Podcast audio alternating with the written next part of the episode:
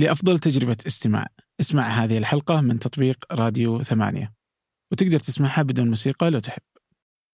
هذا البودكاست برعاية شركة صفا ومنصة سلة للتجارة الإلكترونية وتكافل الراجحي. الشعر العربي الحقيقي هو الشعر ما قبل الإسلام. كما يقول ذلك الناقد أن الشعر آه، بابه شر. فإذا دخل في الخير ضعف. والله سامح آه، ابن رشيق القيرواني اللي حط هذا تعريف الشعر أنه كلام موزون مقفا بقصد. حقيقة أنه هذا التعريف للشعر قضى على الشعر. زعلان على نجيب محفوظ فيقول آه، نقلوا صورة مشوهة للمرأة في المجتمع المصري اللي هو نجيب يعني. فصورها فتاة ليل وصورها بالعاهرة وصورها أيضا بالعاشقة. أما صورة المرأة المكافحة العفيفة والفلاحة المصرية المجاهدة لم تكن لها مكان في روايات نجيب محفوظ. كيف تشوف الفكرة؟ أهلا. هذا فنجان من ثمانية وأنا عبد الرحمن أبو مالح. هذه الحلقة قراءة في التاريخ الأدبي الفني العربي.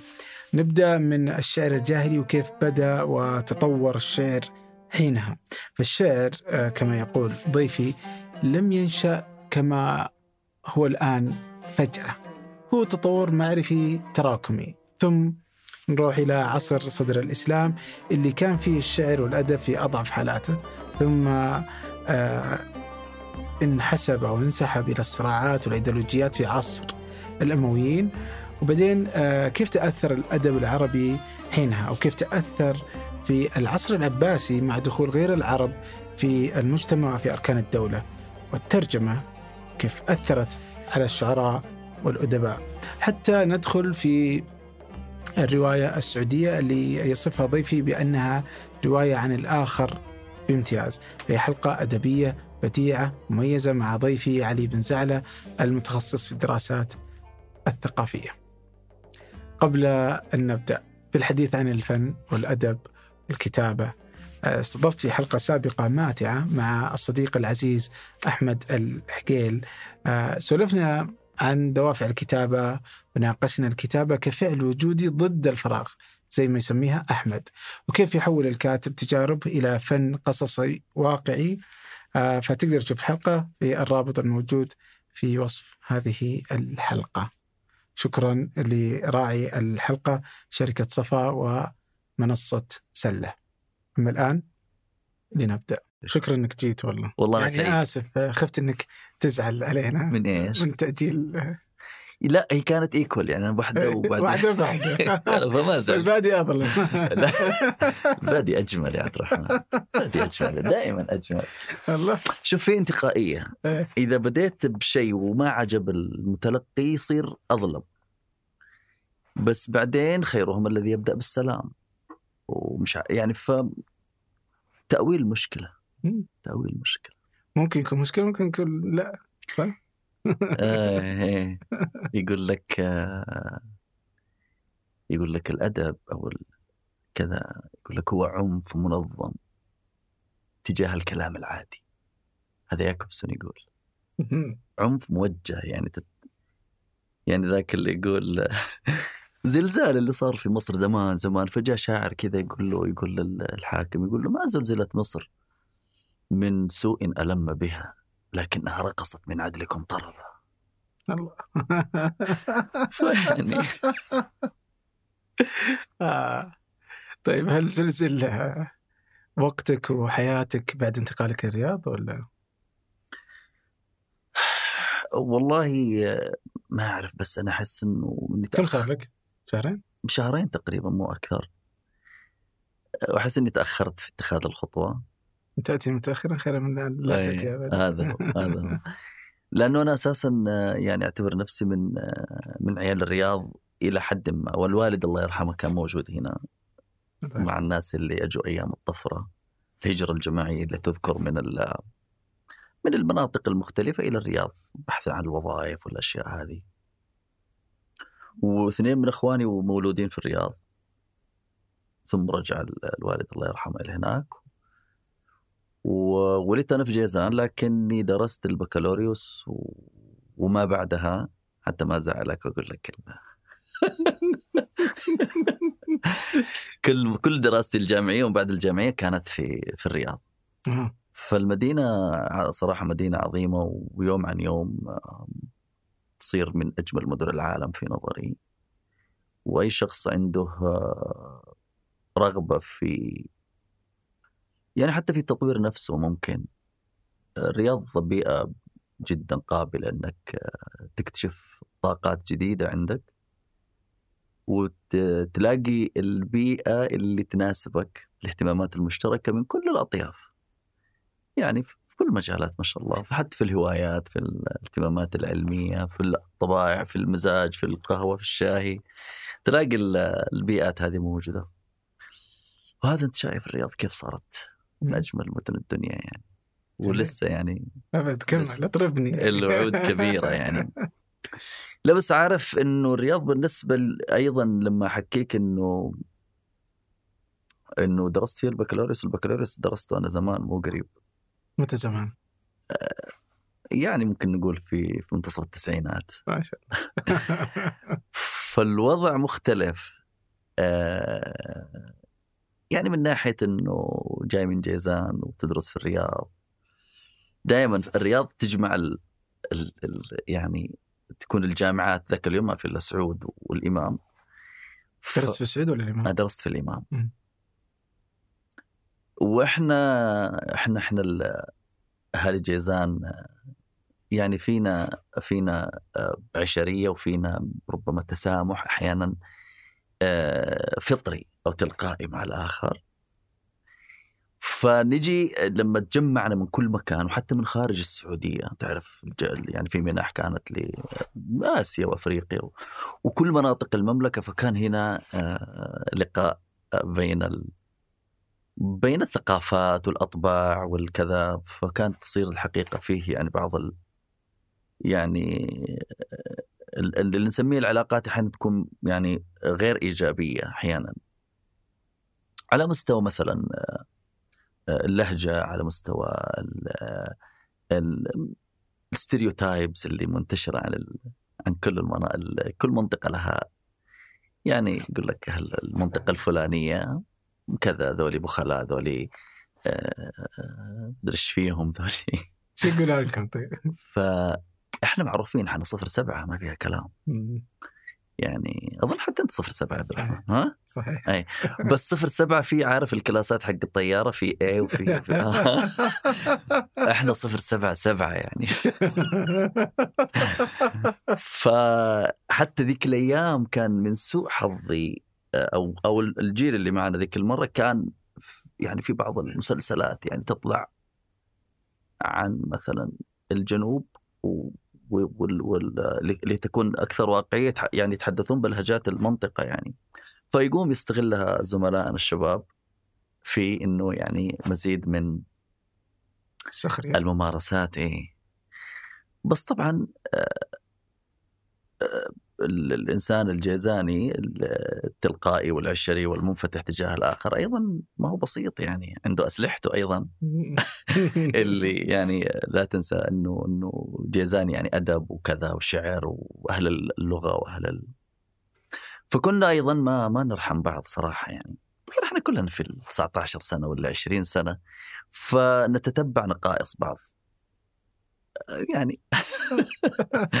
هذا طبيعي. ويمكن هذا يمكن هذا اللي يعني جزء من اللي خلى الواحد يدرس بعدين يهتم بهذه الظواهر الثقافية والاجتماعيه ويعني درست الاختلافات بين الذات والآخر يمكن في في آخر أبحاثي يعني. متواضعه أقولها. لكن كان آه، بشيء لافت للنظر.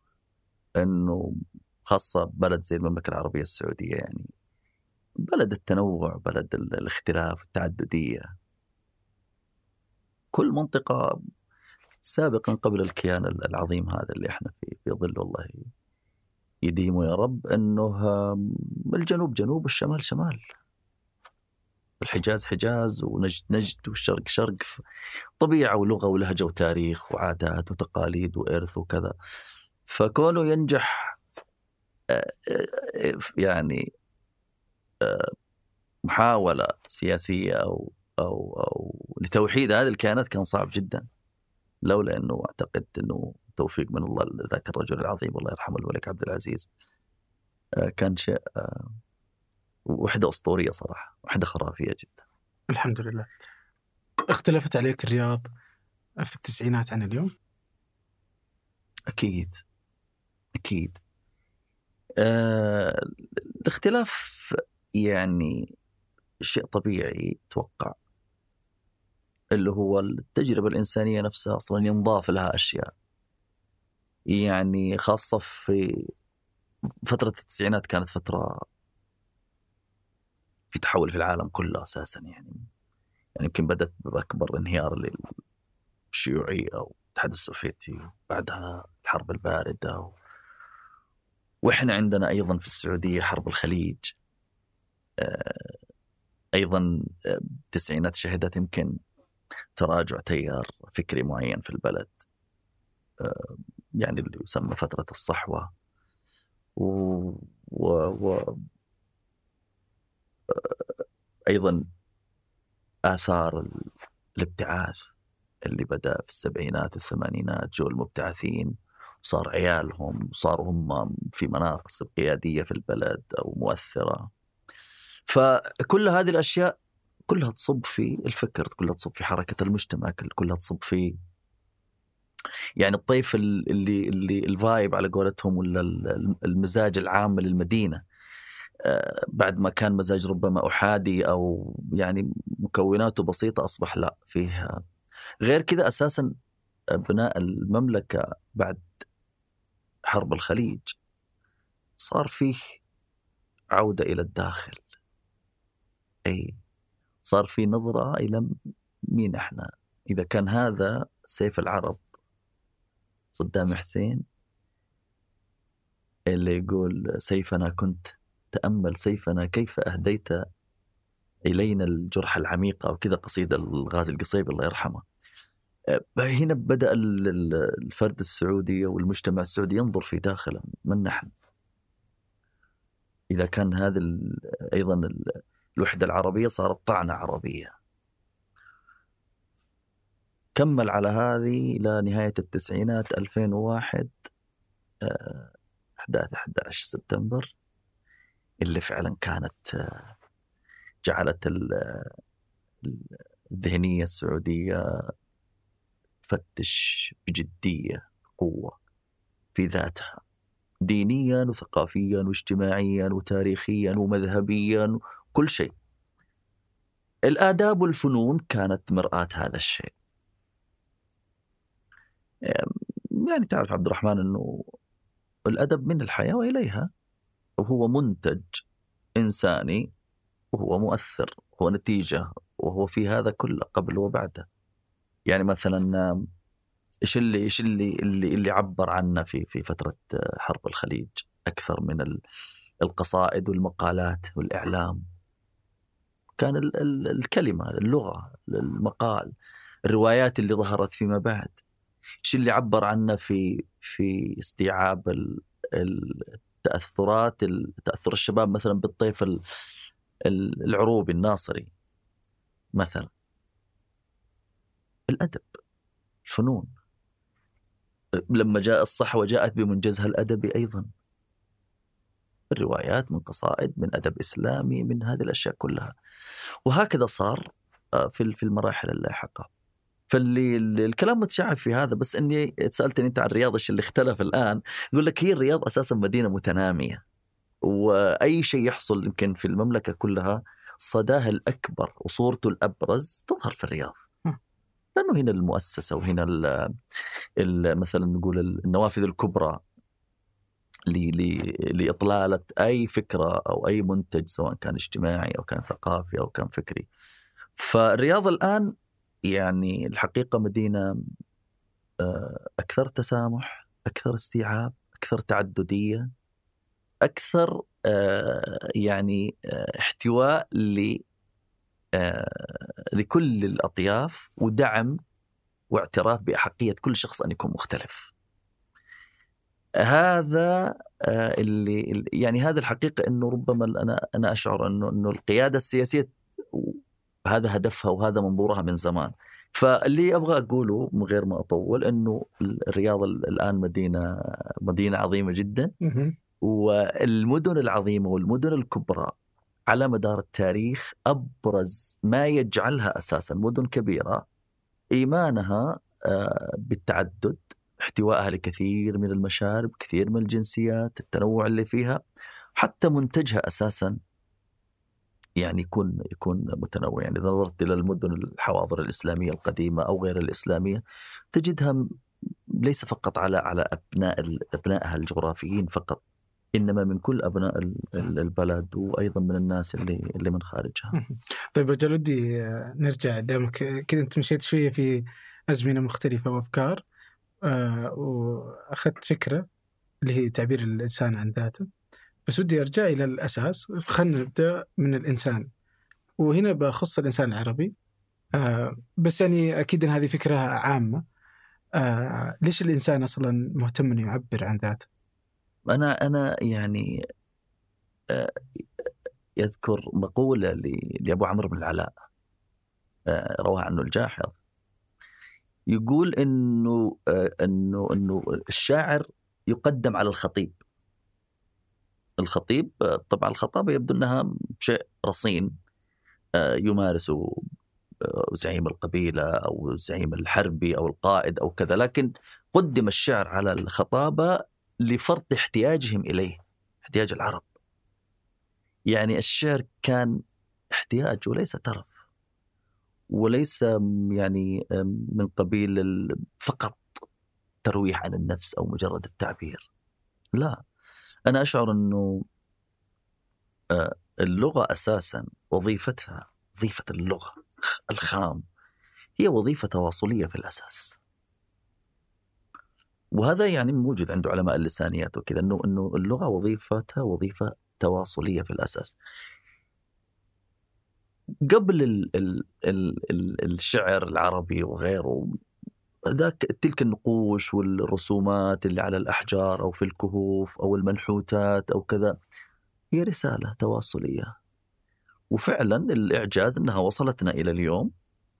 ويعني وجد علماء يتعلمون سواء الآرامية أو الهيروغليفية أو غيرها من اللغات ليفسروها ولنستدل على حقائق وقائع وأحداث. ولكن قبل هذا كله وصلنا الفن. من هذه وصلنا الفن. الفن اللي وصل هو ال- ال- الرسم رسم ال- ال- الإبل أو كذا لكن داخلها رسالة. فالتعبير الإنساني احتياج. احتياج. بس ليش أختلف طيب آه، بين الناس؟ يعني فتلقى مثلا العرب واضح إن الشعر آه، بعضهم تلقى عندهم آه، منحوتات بعضهم تلقى عندهم مسرح. آه، المسرح بعضهم الغناء آه، بس هذا كله سقط وبقي الشعر أو ما كان فيه الشعر عند العرب. فليش تختلف هذه الأدوات يعني؟ أه، والله الوصول في وجهة نظري إلى تفسير يعني نهائي في هذا الأمر وأنا أشعر أنه أنه صعب وما راح يكون حقيقي أو أو دقيق. لكن آه الأمور لا تنشأ يعني يعني الشعر العربي ترى ما نشأ بهذه الصورة مباشرة. هذه ليست الصورة الأولى للشعر. يعني هل معقول أن الشعر ولد موزون مقفى ما في ولا زحاف ولا علة ولا قافية مخرومة؟ لا طبعا. كيف كان؟ لا طبعا. أكيد أن هناك محاولات ولأن ثقافتنا الشفهية كما يقال راحت ربما لكن لما تسمع امرؤ القيس يقول عوج على الطلل المحيل لعلنا نبكي الديار كما بكى ابن حذامي. من ابن حذام؟ ما نعرف عنه شيء أبدا. يعني في واحد قبل امرؤ القيس بكى على الأطلال. في ناس يقولون أنه السجع كان آه، اللي هو اللي هو الكلام النثري اللي مسجوع هو محاولة أو صورة آه. أولية للشعر. ناس يقولوا أنه حداء الإبل اللي هو كلمات آه، إيقاعية أو جمل إيقاعية أيضا آه، فيها قافية متكررة. كان لكن بالتأكيد أن هناك طفولة أو مرحلة طفولة للشعر العربي نحن لا نعرفها. أكيد. لما فاللي أنا ل- ليش اضطريت هذه ال- الفكرة؟ أنه ال- يعني الأمور لها مقدمات تاريخية وجغرافية وشأن اجتماعي وعشق للغة أو أفانين القول والبيان. انتجت إلى انه العربي آه، يكون الشعر هو فنه الأساسي. بينما في أماكن أخرى الفنون الأخرى مثلا كالنحت مثلا في في في أوروبا أو في عند الإغريق أو غيره أو المسرح أيضا عند الإغريق. هذه لها ظروف ثقافية مختلفة البيئة لها تأثير الموارد لها تأثير كل المحيط التاريخي والجغرافي والاجتماعي أكيد أنه له له أثر فيما يغلب على هذه المنطقة أو تلك من معارف أو من فنون أو من غيرها، حتى الرياضات أيضا. حتى الرياضات. تنتشر رياضات في أماكن لمثل هذه الأسباب. جغرافيا وبيئة وطقس والملابس نفس الشيء، كل شيء أتوقع إنه وهل كان عند العرب شيء غير الشعر؟ تقصد من ال من ال أدوات التواصل أو أدوات التعبير؟ أه خلينا نقول اللغة. خلينا نقول اللغة لأنه أه الشعر أكيد إنه ليس أول شيء أه وأنا ما ماني مع اللي يبالغوا في في إنه الشعر هو أهم ما اخترع العرب. صحيح إنه شيء مهم جدا لكنه ليس أهم ما اخترع العرب. عندنا كتابة ونثر عربي عظيم جدا. عندنا فنون الحكم والأمثال هذه التي لم يلتفت إليها أحد. هذا خط عظيم. جدا آه اللي اهتم الناس يعني وحقهم الشعر صراحة منجز عظيم ومنجز أسطوري خرافي و وممكن نستطيع القول إنه ربما لا يوجد شعر بهذا التراكم وبهذه الجودة وبهذا الامتداد كما هو عند العرب يمكن في الأمم في الأمم الأخرى. يعني هذه وجهة نظري الشخصية يمكن إنها متحيزة أو لا. لكن هذا اللي أنا أشعر فيه. لكن أيضا بالغ الناس أو النقاد اللي تلقوا كلمة الشعر ديوان العرب. ديوان العرب الديوان هو الشيء أو السجل فقط. وليس هو مفخرة العرب. يعني بمعنى أنه لأنه قال عمر بن الخطاب رضي الله عنه أو غيره من من القدامى أنه أو الأوائل أنه ديوان العرب أصبحوا رقم واحد. صحيح هو في النهاية صار رقم واحد أكيد. لكن معنى الديوان هو الشيء الذي تجمع فيه الأشياء وتسجل وحتى الجملة التي بعدها اللي فيها أنسابهم وأحسابهم وكذا وكذا مدونة في الشعر. نعم صحيح والشعر مرتبط بالحياة أكيد لكن عندنا منجز في النثر العربي سواء في الخطابة. لو تطلع على يعني مثلا خطابة الرسول صلى الله عليه وسلم الأحاديث وما فيها من إعجاز عظيم. أيضا الخطباء العرب الأوائل أكثم بن صيفي أو قس بن ساعدة أو أو ذاك الزعيم هانئ بن مسعود الشيباني في معركة ذي قار اللي كانت ضد الفرس أو كذا. وما جاء بعدها. يا رجل ال ال ال الأمثال اللي نحن نستعملها وهي تلبي احتياجاتنا العاطفية أو الحياتية أو الشعورية. وما ما نفكر كيف نشأت. بينما المثل له قصة وله حادثة الحادثة والقصة هذه فيها تاريخ وفيها اجتماع وفيها عادات وفيها موروث وفيها إحالات وفيها استعارات. أقصد استعارات معرفية وليس استعارات بيانية. لكن ما أيضا الأخبار. عندنا عبد الرحمن شيء اسمه الخبر. الخبر في الأدب العربي. الأخبار اللي اللي تقرأها في قصص العرب أو الخبر أنه جاء رجل وحصل كذا وكذا وكذا. حتى الدراسات فيه شحيحة جدا. مع إنه الأخبار هذه خطيرة جدا وكتب فيها كتب قديم من عيون الأخبار وغيرها ابن قتيبة وغيرهم. فأنا أقصد إنه المبالغة في انه الشعر هو المفخرة ال ال الأساس للثقافة العربية هذا رأي مجحف الحقيقة بحق المنجز العربي. كشفت حرب غزة حاجتنا لخدمة إخبارية موثوقة خصوصا مع انتشار الشائعات والأخبار المزيفة. فصحيفة الشرق الأوسط تقدم عبر منصاتها تغطيات حية لكل جديد وتحليلات عميقة وآراء متخصصة. عشان تعرف آخر الأخبار من مصدر موثوق تابع الشرق الأوسط صحيفة العرب الأولى. أنت قبل شوي تقول إنه من قديم وهم يقدمون الشاعر على الخطيب و... ولو الآن تجيب أي أحد وتقدر تساله عن إنه تقول عطني عشرة شعراء عرب يعدد لك إياهم على طول أي أحد انت بينما لو تقول له اعطني خطيبين ما جابهم. فيعني واضح إنه حاضر في ذهن العرب وواضح إنه اللي آه، وثق تاريخ العرب. فكيف ما تعطيه هذه الأهمية وأنه فعلا هو ما إيه. أنتج العرب؟ أنا- أنا قلت لك إنه من أهم ما انجز عبر التاريخ. قلت لك لا توجد أمة تقريبا لديها منجز شعري مثل ما عند العرب. لكنه ليس الوحيد. هناك منجز مهم ما حد. يقول إنه الوحيد ولا؟ أي أنت تقول إنه ما حد يعرف خطباء. هذه المشكلة ليس في في في, في ديوان النثر العربي مم. مثلا أو في المنجز الكتابي العربي. لكن التلقي نفسه مسألة التلقي ومسألة إبراز هذه الصور. إنه سيرورة الشعر لها أسباب كثيرة جدا يعني أكيد. الإيقاعية وسهولة الحفظ وكذا. لكن ال ال الشعر في في عصور متأخرة بعد العصر الجاهلي آه، تراجع أمام الكتابة. فيها كلام. طبعا لما بعد نهايات العصر الأموي بدايات العصر العباسي أصبح الكتابة تنافس الشعر وربما تتفوق عليه. بل إنه إذا كان الشعراء يقدرون بالأعطيات وبالجوائز والمنح المالية أو الإقطاعات ال- أو الخلع كما يسمى وال- من الحكام والأمراء الكتابة كانت توصل إلى الوزارة. تصبح وزيرا معنى وزير ربما رئيس وزراء ليس فقط حقيبة بالمسمى الآن فقط لأنه كاتب لأنه يجيد الكتابة. بل بعضهم لأنه حسن الخط فقط. هناك كتاب من من الدواوين عند السلاطين كانت للكتاب بالدرجة الأولى وهناك فقط من يعينون ويعطون الرواتب لأنه حسن الخط. بينما ذاك حسن الأسلوب. ال ال ال الشاعر؟ لا لا لا الكاتب في إيه. كتاب شخص آه أسلوبه جيد في واحد أسلوبه جيد, خطه وخط جيد. ربما خطه غير جيد ففقط هذا لتجويد الخط. طيب يمكن أصلا وزير أنا ذاك يعني شيء عادي. شاعر هو شيء اللي لا يحصل عليه أحد. يعني لا أحد يصل هذا المقام.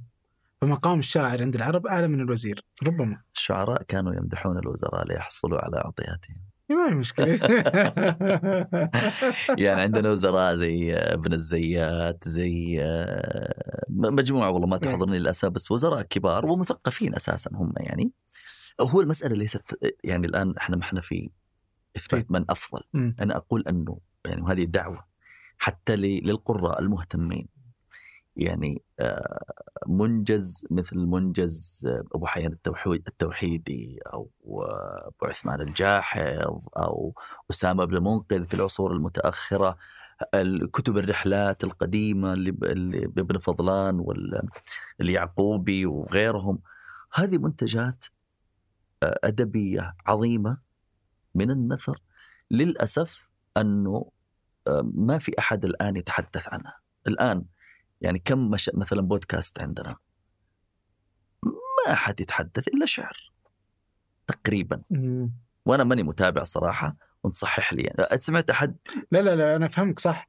بس هم يتكلمون الشعر لأن عندها لأنها فن. مم. أكثر من إنه ال- ال- النثر هو معلومات ومعرفة. فممكن تتكلم عن الجاحظ بمئات الحلقات ومئات ال... يعني أنا بزعم أو ب... إن الجاحظ وكتبه وكل الكتب اللي ذكرتها وغيرها من ال- اللي. اللي في باب النثر إنها أكثر مبيعا وأكثر انتشارا وأكثر قراءة من دواوين الشعر. بس هذيك تؤخذ كفن أكثر من إنها كمعرفة. فهنا معرفة هنا يؤخذ كذا كاستئناس. جميل. آه وكانك تقول إنه ترفيه. لا بس لأنها فيها هذا الإيقاع فيها الفكرة صحيح صحيح. فيها فيها الهجاء. فهي سواليف وهنا علم. أقدر أخليها كذا يعني هذه أقرب إلى لأنه كذا. النثر ما هو فقط نواحي علمية فقط يعني مثلا مدونه الجاحظ كله علم ولا؟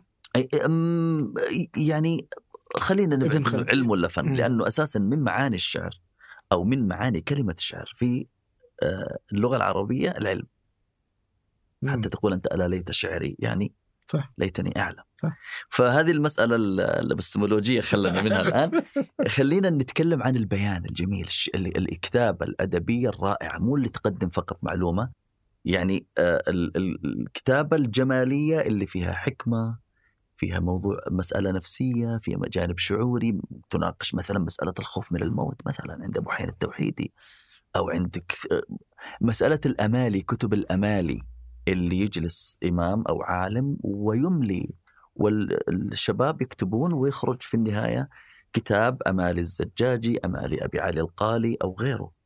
الجاحظ ألف رسائل عظيمة. اترك البيان والتبيين والحيوان. هذه كتب أسفار عظيمة.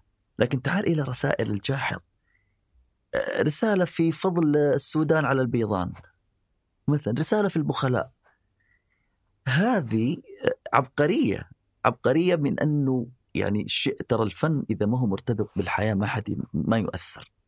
لما يتحدث عن البخلاء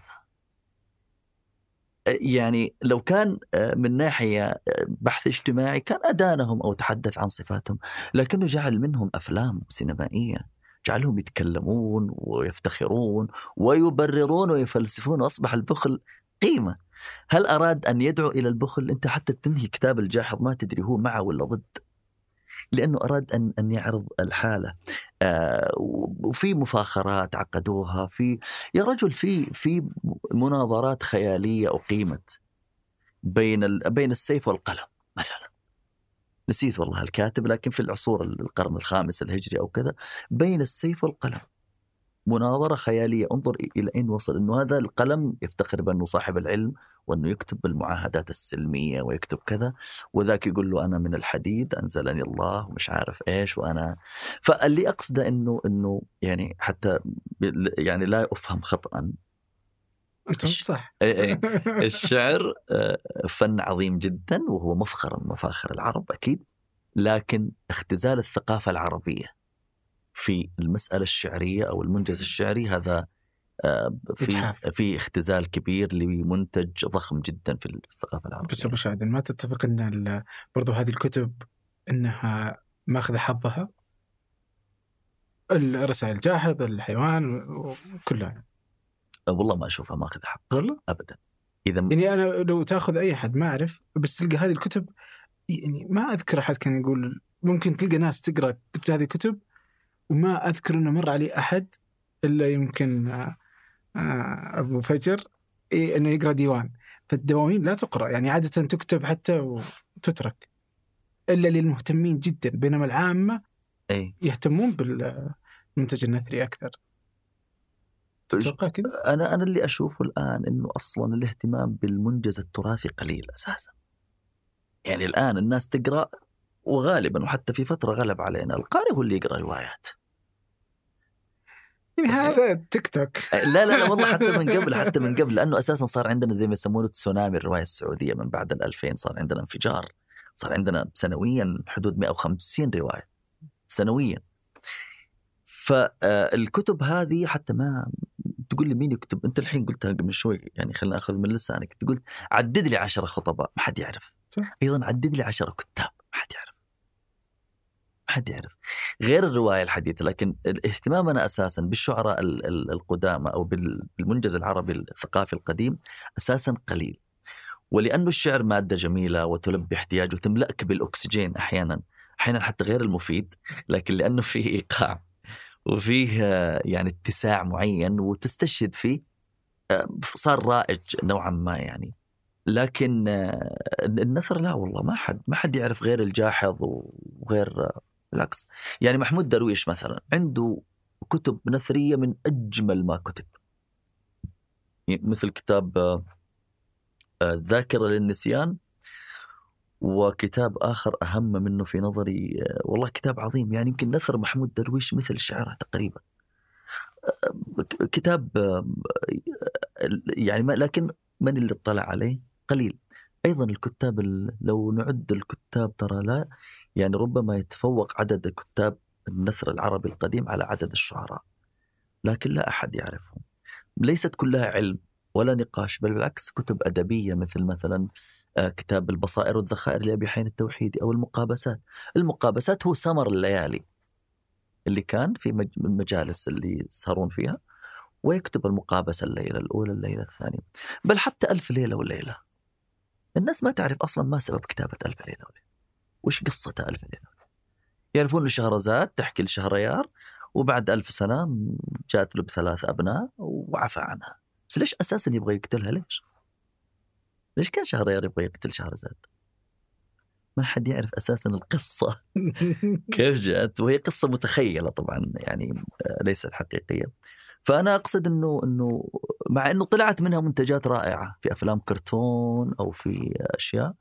لكن أنا ما زلت أدعو هذه دعوة أنا ما, ما أنتقد بقدر ما أدعو إلى آه، النظر في الكتابة العربية القديمة وانه فيها آه، كنوز جمالية ومعرفية واجتماعية وثقافية كبيرة جدا أتمنى أنه آه، يعني يصير في اطلاع عليها واهتمام فيها ونسمع كم بودكاست عن النثر العربي. إن شاء الله كثير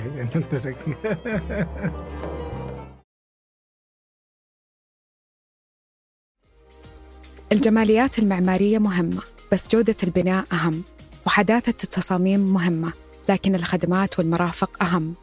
المهم والأهم مضمون. تملك المستقبل مع وحدات شركة صفاء للاستثمار.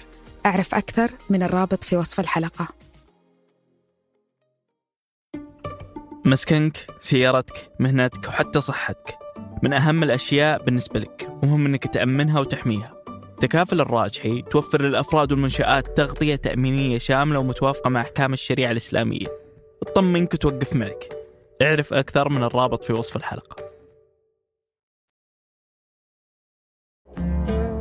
طيب الحين آه، باخذ شيء من لسانك بس إني بسأل عنه. أنت قبل شيء تقول آه، إن الشعر العربي كأنه آه، كان ذروته في الشعر الجاهلي. صحيح. صحيح؟ طيب وش رأيك في اللي يقوله طه حسين بأن أصلا ما كان في شعر جاهلي طه حسين أساسا يقول برضو مقولة ثانية آه.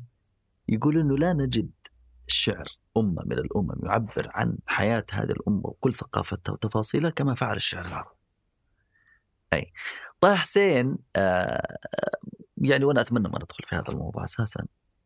تبغى شيء؟ أي أي يعني آه، طه موضوع موضوع إشكالي بس طه حسين كان في فترة من الفترات تبع اللي هو المنهج التشكيكي آه. مرج اليوث والجماعة وهذه و يعني بالعكس طه حسين من أهم من تحدث عن الشعر العربي في كتاب حديث الشعر والنثر تكلم كلام مرة مهم. يا لكن خلينا نعدي النقطة هذه أنا نعديها. أحس أفضل. عشان القصد يعني فهو كتب بعد إذا هو يبغى يمشي مع هذه المرويه إنه كتبت فيما بعد على إنها شعر جاهلي فمعناته إنه كان في عصر ذهبي في الشعر العربي ما بعد مثلا في الدولة الأموية ولا في العباسية ولا؟ الشعر العربي الحقيقي هو الشعر ما قبل الإسلام. آه لأنه ما بعد ذلك اختطف لإيديولوجيات. ولمدائح براغماتية نفعية تخدم أغراض الشعراء المتكسبين. آه فليه أنا أفضل الشعر الجاهلي؟ لأنه كان ممكن نقول كذا بيور خالص شعر مفهوم الشعر أساسا ترى يعني وحتى مفهوم من الشعر ال ال ال ال الرائج قضى على فكرة الشعر وجوهره. يعني حسان بن ثابت لما جاء آه، ابنه لما قرصه قرصته حشرة أو كذا وقال لقد آه، يعني قرصني شيء ما فقال له كيف شكله؟ فوصف الألوان بأنها مثل الثوب اليماني الأحمر والأصفر في كذا كأنه ملتف في بردة حبرة. قال قال ابن الشعر والله لا وزن ولا قافية ولا شيء. الشعر مفهومه أساسا اختطف لنواحي الشكل. ولذلك كل صراعاتنا يقول لك قصيدة النثر اسمها خطأ وليست شعر لأنها خالية من الوزن. والله يسامح آه، ابن رشيق القيرواني اللي حط هذا تعريف الشعر أنه كلام موزون مقفا بقصد. حقيقة أنه هذا التعريف للشعر قضى على الشعر. لأنه اختزله في الإيقاع في الوزن والقافية والقصدية. حط القصديه حتى يخرج منه الحديث الشريف وال والقرآن الكريم. لكن الجاحظ ماذا يعرف الشعر؟ يقول الشعر صناعة وفي رواية أو في بعض صياغة. الشعر صناعة وضرب ونسيج وضرب من التصوير وهكذا يقول. هذا التعريف الحقيقي. عندما يعني تحيك الجمال وتخرج فكرة أو شعور أو تجربة ايا كانت في آه، إطار جمالي هذا هو الشعر. كان نثر كان خياطة كان نقش كان أغنية هذا هو الشعر. ولذلك الآن لما يقال السينما الشعرية مش عارف إيش الشعري بهذا المفهوم. صوت المطر لما تاركوفسكي في فيلم ال... يعني آه، نسيت إيش اسم الفيلم يعني يفس- يفسح لصوت المطر فقط أن يتحدث. ال ال لحظة الصمت اللي حطها في آه، كريستوفر نولان في لحظة التفجير في فيلم أوبنهايمر. هذا الشعر. ليه؟ لأنه قدم لك الحالة نقلك أو أو أدخلك فيها. يا إما نقلها إليك حتى احتل احتلتك أو أخذك وقذفك فيها. هذا هو الشعر. فالشعر الجاهلي يا عزيزي آه، شعر مرتبط بالإنسان مرتبط بالمكان مرتبط بالقيم وبالحوادث وهو شعر فطري. فطري. العرب ما كانت مطلعة على الفلسفة اليونانية. أو قرأت أدب مترجم أو فكر مترجم أو طب أو معارفهم ال- في هذا الاتجاه قليلة معارفهم في قص الأثر وفي آه، يعرفون البلدان المجاورة الأجنبية أو كذا.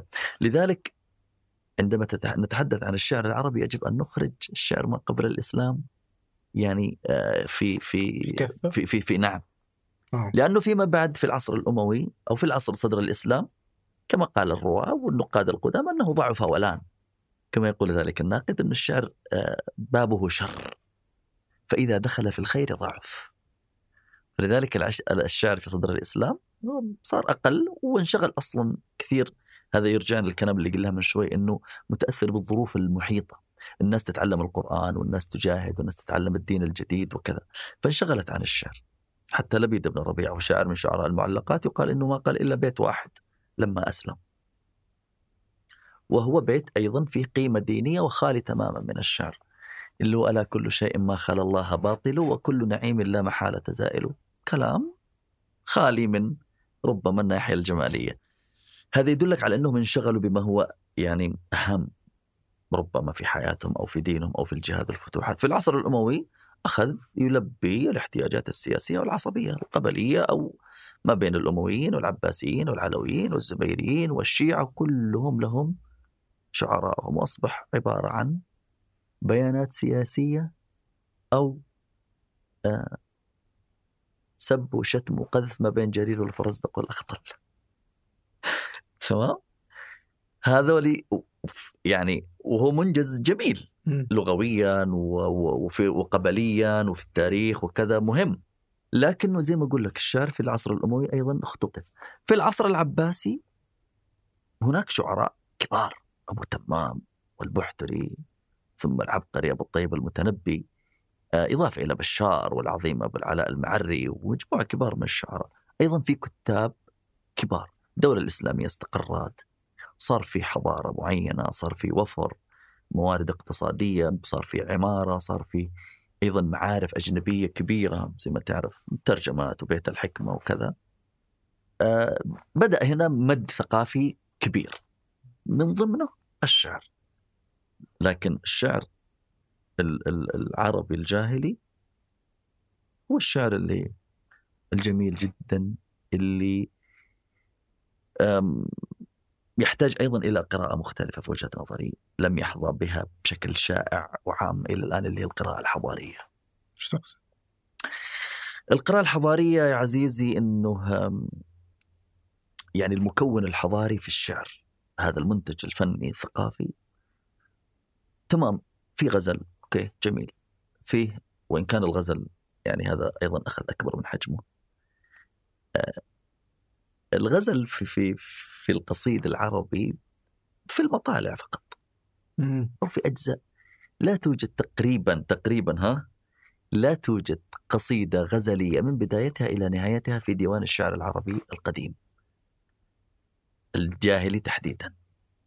بل كان يعني يأتي في ظل ما يسمى بعمود الشعر اللي هو يتكلم عن الأطلال يتكلم عن الراحلة ثم يتكلم عن سواء كانت سعاد أو دعد أو هند. ثم ينتقل إلى الغرض الذي يريده سواء كان مدح النعمان بن المنذر أو هجاء قبيلة أخرى أو فخر بقبيلتي أو رثاء أو غيره. تقليد شعري يعني يأتي من من خلاله آه، الغزل. فاللي أقوله إنه آه، فيه جوانب في الغزل فيه آه، آه، جوانب مثلا قبيلة تاريخ وقائع فخر لكن في جوانب حضارية كثيرة جدا. إذا رجعنا لمفهوم الحضارة اللي مثلا آه، خلينا نأخذ مثلا ولديورنت مثلا في قصة الحضارة يعرف الحضارة إنها يعني آه، تقوم على عوامل عدة إذا توفرت في أو توافرت في في في في حقبة زمنية أو في دولة صار عندها حضارة اللي هي الموارد الاقتصادية اولا آه، والأنظمة السياسية والتقاليد ال- الأخلاقية ربما أو الأعراف والتقاليد عموما. والأمر الرابع آه، الإسهام الثقافي والمعرفي أو الفني. هنا تصير في حضارة. تعال نتلمس هذه الأشياء في الشعر العربي. نجدها كلها موجودة الشعر العربي القديم. موجودة وب- وبقوة. يعني الجاهلي تقصد. الجاهلي طبعا. آه، طبعا هم يفرقون بين الشعر وبين القصيد. مم. القصيد هو ال... ولذلك يقولون إنه ال- ال- الم- المهلهل زير هو أول من قصد القصائد. وأكثر من قول الشعر. يعني حتى الشعراء في الجاهلية ترى يتفاوتون ولما جاء ابن سلام الجمحي وحط طبقات حط ما يسميهم بالفحول هؤلاء تجد لهم شعر طويل. بل إن المعلقات من ميزاتها أنها طويلة. وأن وأسماء اسمها الأساسي القصائد السبعه الطوال. الطول علامة عنصر مهم أي انه الشاعر يستطيع أن يفتق من الأبيات وينتقل بين المشاهد مثلا معلقة أمر القيس فيها حرب وفيها غزل وفيها عبث وفيها مجون وفيها ثأر وفيها فخر. أم، أيضا آه، معلقة طرفة يعني آه، بظن 103 أبيات مثلا. فالقصيد هو القصيد الشعر المقصد أو أي المقسم إلى بيتين صدر وعجز وقافية. فالمحور أو القراءة الحضارية للشعر أو القصيد العربي القديم مهمة جدا. تجد فيه التقاليد. تجد فيه العادات تجد فيه حتى رجل العلاقة مع الحيوان. شيء راقي جدا يرثي الناقة تغزل في الناقة. آه، الخيل ال- ال- ال- ال- الفرس وكيف إنه إنه عنترة وهو في المعركة يتكلم مع الخيل ترك كل شيء وتكلم مع اثنين. مع ولقد ذكرتك والرماح نواهل مني وبيض الهند تقطر من دمي فوددت تقبيل السيوف. لأنها لمعت كبارق ثغرك المتبسم. تمام؟ لمعة السيوف ذكرته ب... بأسنان ال- ال- الحبيبة. ومع كثرة الكر والهجوم يعني حتى حتى تسربل بالدم اللي هو حصان يقول فزور التفت إليه الحصان. انكمش. فازور من وقع القنا بلبانه وشكى إلي بعبرة وتحمحم لو كان يدري ما المحاورة اشتكى ولكان لو علم الكلام مكلمي.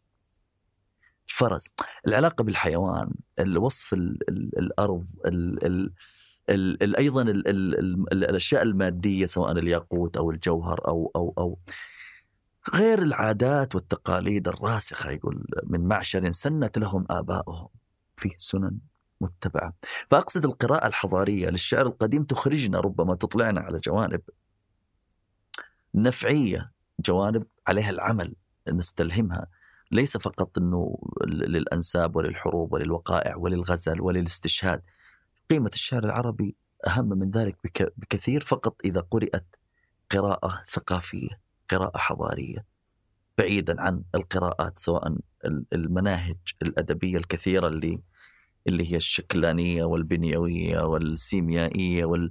هذه التي لا تم... لا تمس الحياة أو ينتفع منها الإنسان. و...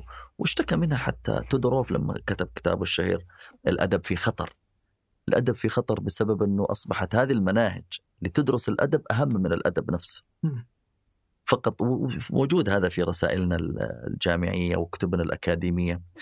إنه دراسة سيميائية، دراسة بنيوية، دراسة أسلوبية، إحصائية جميلة ومهمة ومتخصصة لكن هناك قراءة ثقافية نقرأ فيها الإنسان، نقرأ فيها الأبعاد الأخلاقية، التقاليد ونبني عليها التراكم اللي نبغاه ينغرس في يعني ال ال الإنسان العربي وال- والفرد العربي في هذا اليوم. وهذا ينطبق على الجاهلي صدر الإسلام الأموي العباسي ولا فقط الجاهلي وهذا موجود في آه، هذه الدراسات والأبحاث؟ ال- ولا هو ناقص من كل ال- العصور؟ لا لا لا في في ناس درسوا أنا بقول لك إنه غير موجود لكنه لكنه قليل يعني قليل إيه، جدا. فاهم ال- القراءة ال- يعني ينبغي أن تقرأ فيه ال- ال- الإرث الثقافي كله حتى الإرث الشعبي الشعر الشعبي بس هل في غزارة لعصر عن عصر ولا هو قليل في كل العصور؟ لا لا هو هو قليل صراحة. ربما ال ال الجو ال يعني يمكن العصر العباسي والأندلسي حظيت بدراسة أكثر حضارية أكثر لأن أساسا كان الحضارة شيء طاغي. لا تستطيع أن تتجاهله يعني ما تستطيع أن, أن, أن, أن لا تدرسه.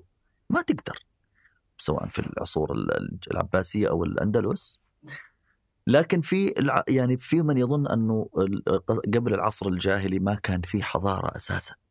فالمنهج الحضاري أو الدراسة الحضارية للمنجز الثقافي يمكن ما تلاقي أشياء تلبيها لكن بالعكس حسب المفهوم وحسب آه، الوعي أساسا بهذه الأشياء.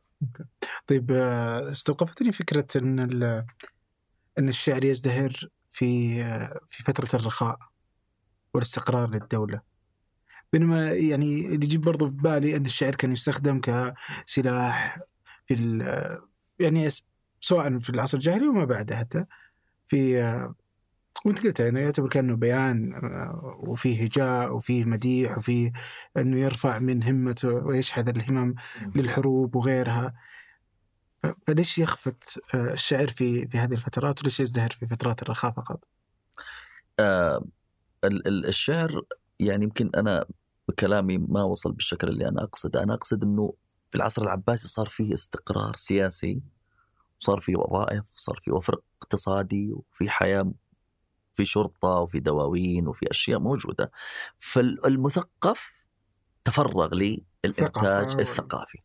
بينما يعني ممكن يكون الغزارة تنوع كثرة عدد ال- ال- الشعراء أو الأدباء أو المثقفين تمام والوراقين ونسخ الكتب والتأليف وكذا حركة التدوين ازدهرت. بينما ليست فقط دلالة على جودة الشعر ربما يكون هناك كثرة وهناك انتشار لكن الجودة ليست آه، مرهونة أو مرتبطة بال ال- خلينا نقول زي ما قلت الاستقرار. بالعكس يمكن آه، يعني مثلا في عهد الحروب الصليبية لم يبقى أحد لم يكتب الشعر. أيام لم نذكر يعني أزمة الخليج. كل المواطنين السعوديين تقريبا تحولوا إلى شعراء. فالشعر هو يعني آه، موجود في في الدم العربي تقريبا. هناك أحوال تستفزه ليخرج ربما يخرج نظم خالي من الجمال وربما يخرج جيد. فاللي أنا أقصده من كلامي أنه الانتشار والكثرة في عصور في عصور الاستقرار ربما تجعل حتى في كل الفن والأشياء كلها تزدهر. لأنه إذا في حرب وإذا في دمار وفي إذا فيه غارات متبادلة حتى الأشياء الفنية أو المنتج الفني يتأثر أكيد يعني. بس إنه برضو أنت في البداية كنت تقول ان الشعر مو بشيء هامشي أو رفاهية طبعا. هو أساس يعني. طبعا. الشعر الشعر ما هو بشيء ولذلك يلجأ إليها الإنسان في في لحظات ال- الأزمات مثلا في الحروب أو كذا. مم. يعني حتى يمكن ما شهد ال- ال- التاريخ العربي عدد شعراء كما في عصر الحروب الصليبية. نعم. كلهم لأنه أصبح يعبر عن آه، أزمة الإنسان. أصبح يعبر عن وصف ال- الدمار وصف القتل أو استنهاض الهمم أو التحميس أو هجاء الأعداء أو ما إلى ذلك. وهذه استمرت يعني 200 سنة ما هي فترة بسيطة. طيب آه، في الفترة العباسية آه، يعني كانت فترة دخل كثير من غير العرب في المجتمع العربي وأصبحوا عربا. هل أثر دخول الفرس وغيرهم على تلقي أو كتابة الشعر؟ الأمر أكبر من الشعر يا عبد الرحمن. الدخول ال- يعني هذا يمكن يودينا إلى موضوع يعني الدخول ال- الثقافات أخرى ثقافة الآخر آه، الأعراق الأخرى اللغات الأخرى الأديان الأخرى. دخولها في حياض الثقافة العربية أو الاسلاميه آه، هذا عصر إشكالي. لكن الإشكال بدأ قبل ذلك مع آه، طبعا علاقة العرب ب- بالآخر علاقة قديمة جدا جدا. كان عندنا آه، على ساحة الصراع الحضاري أو السيطره على العالم. ما كان العرب موجودين إلى 2000 سنة تقريبا. ما كانوا موجودين. كان في الفرس أو فارس وفي بيزنطة اللي هي جهة تركيا والأماكن هذه. هذه كان الفرس والروم. والعرب عندهم المناذر والغساسنة تحت حماية كل واحدة تحت حماية. آه، هم عرب طبعا. آه، ولكنهم يتبعون بشكل أو بآخر لهم حكم محلي لكنهم تبع لهذه الإمبراطوريتين اللي أساسا كانت دائما في صراع.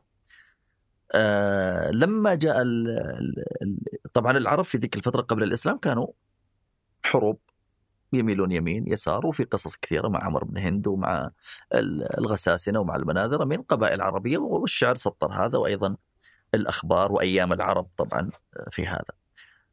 مع مجيء الإسلام آه عمل نقلة يعني غير طبيعية ونقلة كاملة بنزول الوحي وجود النبي صلى الله عليه وسلم والدين الجديد هذا الدين العظيم اللي هو كله تسامح وكله آه احترام للاختلاف ولا إكراه في الدين وكذا.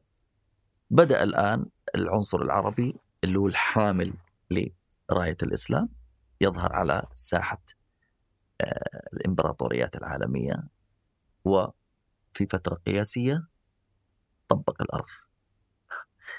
حكم المسلمون آه، يعني مساحة شاسعة ما يهمني في هذا السرد التاريخي اللي يهمني أنه كيف تعامل مع الناس الآخرين من أمم أخرى بثقافتهم بأديانهم.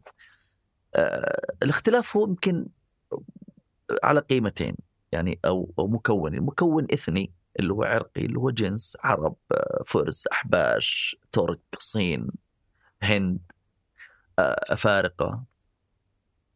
والمكون الآخر اللي هو آه، الديني مسلم آه، مسيحي يهودي.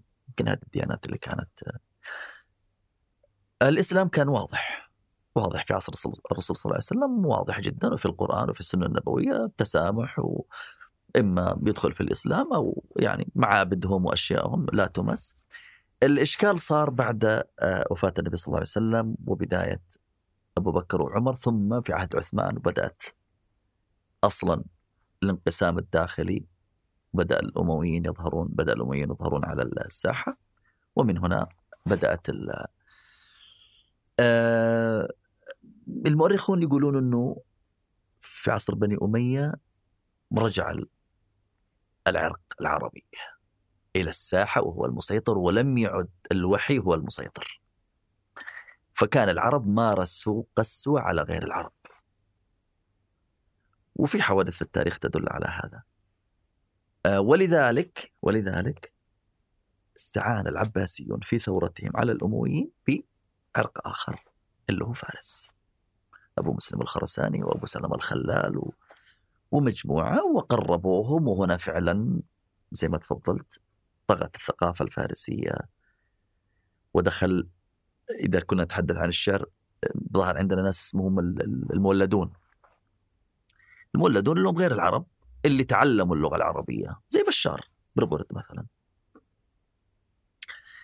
آه يعني بشار مثلا ما يدخل مختلفين العلماء هل النحو وهل اللغة هل يستشهد بشعره أم لا؟ تخيل بشار. لكنه كان يهجوهم وغصب عنهم يحطون له أبيات في ال... يعني هجا الاخفش وهجا سيبويه أو إنه ما هجا لكن اتقاء لشره استشهد بواحد من من ابياتي أو كذا. فالفكرة إنه في ال ال زي ما قلت لك يعني قبل شوي إنه أي حضارة عظيمة يجب أن تستفيد من التنوع أو لن تكون عظيمة حتى توظف هذا التنوع في منجزها الكلي. الدولة العباسية وأنا لا أمدح حقبة عن حقبة كل حقبة وكل دولة وكل كذا لها ما لها وعليها ما, ما عليها والجميع يعرف ذلك. لكن التنوع والثراء بدأ بشكل كبير في العصر العباسي ودخلت الثقافة الفارسية والهندية وبدأت الترجم بل أنه وصل التأثير أو كان سبب كبير من أسباب التأثير أنه أساسا الخلفاء معظم أمهاتهم غير عربيات غير عربيات. وهذا أدى إلى الاستعانة بالفرس في فترة ثم نكبتهم ثم الاستعانة بالترك ثم كذا ثم كذا. آه أنا نسيت السؤال ترى. علاقته بأثره على تلقي أو كتابة الشعر. أي آه يعني الشعر آه، استفاد أكيد من هذه المقومات كلها لأنه أساسا كل ثقافة لها آه، منزع أو لها زاوية نظر للأشياء. كل ثقافة لها حكمتها، لها فلسفاتها، لها طبائعها اللي وزاوية زوايا نظرها للأشياء، فالمدونه الشعرية العربية استفادت من هذا استفادة كبيرة جدا وظهر هذا في في, في اشعارهم في أشعار أبي تمام الجانب الفلسفي اللي فيه أو جانب الحكمة أو حتى جانب الغموض اللي عند أبو تمام وهذا ما كان آه، قبل آه، قبل عصر أبو تمام. آه، ثورة أبي نواس الشهيرة على المقدمة الطلالية اللي لازم نمر على الأطلال واللي يقول يقول يعني حتى يسخر يقول قل لمن يبكي على رسم درس واقفا. ها الوقوف. ما ضر لو كان جلس. يعني اقعد يا أخي لا توقف. يتريق. أو يقول عاج الشقي. يسمي الشاعر العربي القديم. أو من زال اللي, اللي ما زال يقلد الشعراء العرب يقول عاج الشقي على رسم يسائله وعجت أسأل عن خمارة البلد. يعني يقولون إنه وقع أيضا بدل المقدمة الطلالية استبدلها بمقدمة خمرية. والمفروض إنه يخرج من هذا كله ويدخل في الغرض مباشرة. فالشعر أكيد المدونه الشعريه العربيه استفادت من هذه كلها آه، أبو العلاء المعري وحديثه عن عن فلسفة ال ال يعني حتى في أغراض شعرية دخلت في في في في الشعر العربي آه، ما كانت موجودة آه، يعني مثلا وصف الطبيعة. ما كانش يعني كغرض قار في وصف الطبيعة. وصف جبل وصف نهر وصف قصر وصف بركة. يعني البحتري له له له قصيدة عظيمة في وصف البركة. يعني يقول يقول آه يقول تنصب فيها لأنه كان بشكل جمالي كذا مو بس مجرد بركة. يقول تنصب فيها وفود الماء معجلة. كالخيل خارجة من حبل مجريها. إذا السماء تبدت في جوانبها ليلا. إذا السماء تبدت في جوانبها ليلا. عفوا. إذا النجوم تبدت في جوانبها ليلا حسبت سماء ركبت فيها. فهذا هذا هذا غرض كامل استجد. وهذا نرجع لمسألة الاستقرار والرفاه والموارد الاقتصادية. أيضا في أغراض جديدة حقنت بأفكار جديدة. يعني آه، الرثاء إلى العصر العباسي كان مجرد أنه تعداد محاسن الميت. يعني وإن صخرا لحامينا وسيدنا وإن صخرا إذا نشتو لنحار وكذا. في العصر العباسي لا أصبح في حديث عن عما يسمى بمسألة الموت والحياة. وهذه الحوارية بين يعني أبو العلاء المعري اللي يعني حتى له قصيدة اللي هي غير مجد في ملتي واعتقادي نوح باك ولا ترنم شادي. يعني يصف القبر يقول رب لحد قد صار لحدا مرارا. يعني اندفنوا في أكثر من شخص. ضاحك من تزاحم الأضداد غني وفقير لص وشريف. ويقول أيه يقول صاحي ما أظن أديم الأرض إلا قبلها يقول خفف الوطء يعني إذا جيت تمشي امشي بشويش. فأنت ترجع تدعس على أباك وأجدادك. خفف الوطء ما أظن أديم الأرض إلا من هذه الأجساد. صاحي هذه قبورنا تملأ الرحب. فأين القبور من عهد عادي رب لحد قد صار لحدا مران إلى آخره. فاللي اللي يعني إجابة على سؤالك أنه فعلا المدونة الشعرية العربية استفادت من هذا. ولكن الثقافة العربية أيضا ظهر فيها أشياء أخرى ليس فقط في الشعر. من حركة الشعوبية تفضيل غير العرب على العرب الطعن في العرب حركة الرد من ابن قتيبة والجاحظ وأدباء العرب في تلك الفترة اللي في الرد على الشعوبيين ومثالب العرب وكذا. آه وهذا يعني يخلينا يمكن نتحدث عن مسألة أنه الآخر في الثقافة العربية الاختلاف إلى أي درجة كانت الثقافة العربية متسامحة؟ وإلى أي درجة كانت آه، عنصرية أو إقصائية؟ طيب أنا ودي أجل ودي أقفل آه كم ملف في زمان؟ زي تسمح لي. زي فليش ال- الشعراء كان عندهم مشكلة أو يستعيبون الكتابة؟ والله يا أخي هذا شيء عجيب. يعني آه، الإنسان اللي اللي يظن إنه إنه الحياة صارت زي كذا هي كذا الحياة لا الحياة مو كذا. يعني في مفاهيم مختلفة تماما. يعني تخيل إنه الكتابة في مرحلة من المراحل كانت عيب لدى المثقف. وشيء عجيب. القراءة والكتابة عيب. ولذلك بنواميس تلك الحقبة كان الرسول صلى الله عليه وسلم لا يقرأ ولا يكتب. وكانت هذه فضيلة من فضائله. ليه؟ لأنه يقول لك لو كان قارئا أو كاتبا لقالوا إنما هي أساطير الأولين. اكتتبها. فهي تملى عليه بكره واصيلا. أيضا الشعراء لم يكونوا يكتبون آه ولا يقرؤون أيضا لنفس الفكرة. يعني القراءة عند ال- العربي آه يقدر معارفة الفطرية اللي اكتسبها من بيئته. إضافة إلى أيضا أنه آه ما هي متوافرة هذه الأشياء القراءة والكتابة. مع أنه في مكتبة كانت عند ابن النعمان بن المنذر. في مكتبة موجودة فيها بعض المخطوطات وبعض الكتب والكتابة كانت تستخدم أو تستعمل لأغراض وظيفية معاهدات آه، أشياء معينة وحتى القرآن الكريم تحدث عنها إذا تداينتم بدين فاكتبوا دليل على أنه ما طلب منهم شيء إعجازي بالنسبة لهم إنما أشار أو أكد على ممارسة موجودة لممارسة الكتابة. آه، هل الكتابة عيب أو تشريف أو ميزة أو صفة سلبية؟ لماذا كتبت المعلقات؟ مم.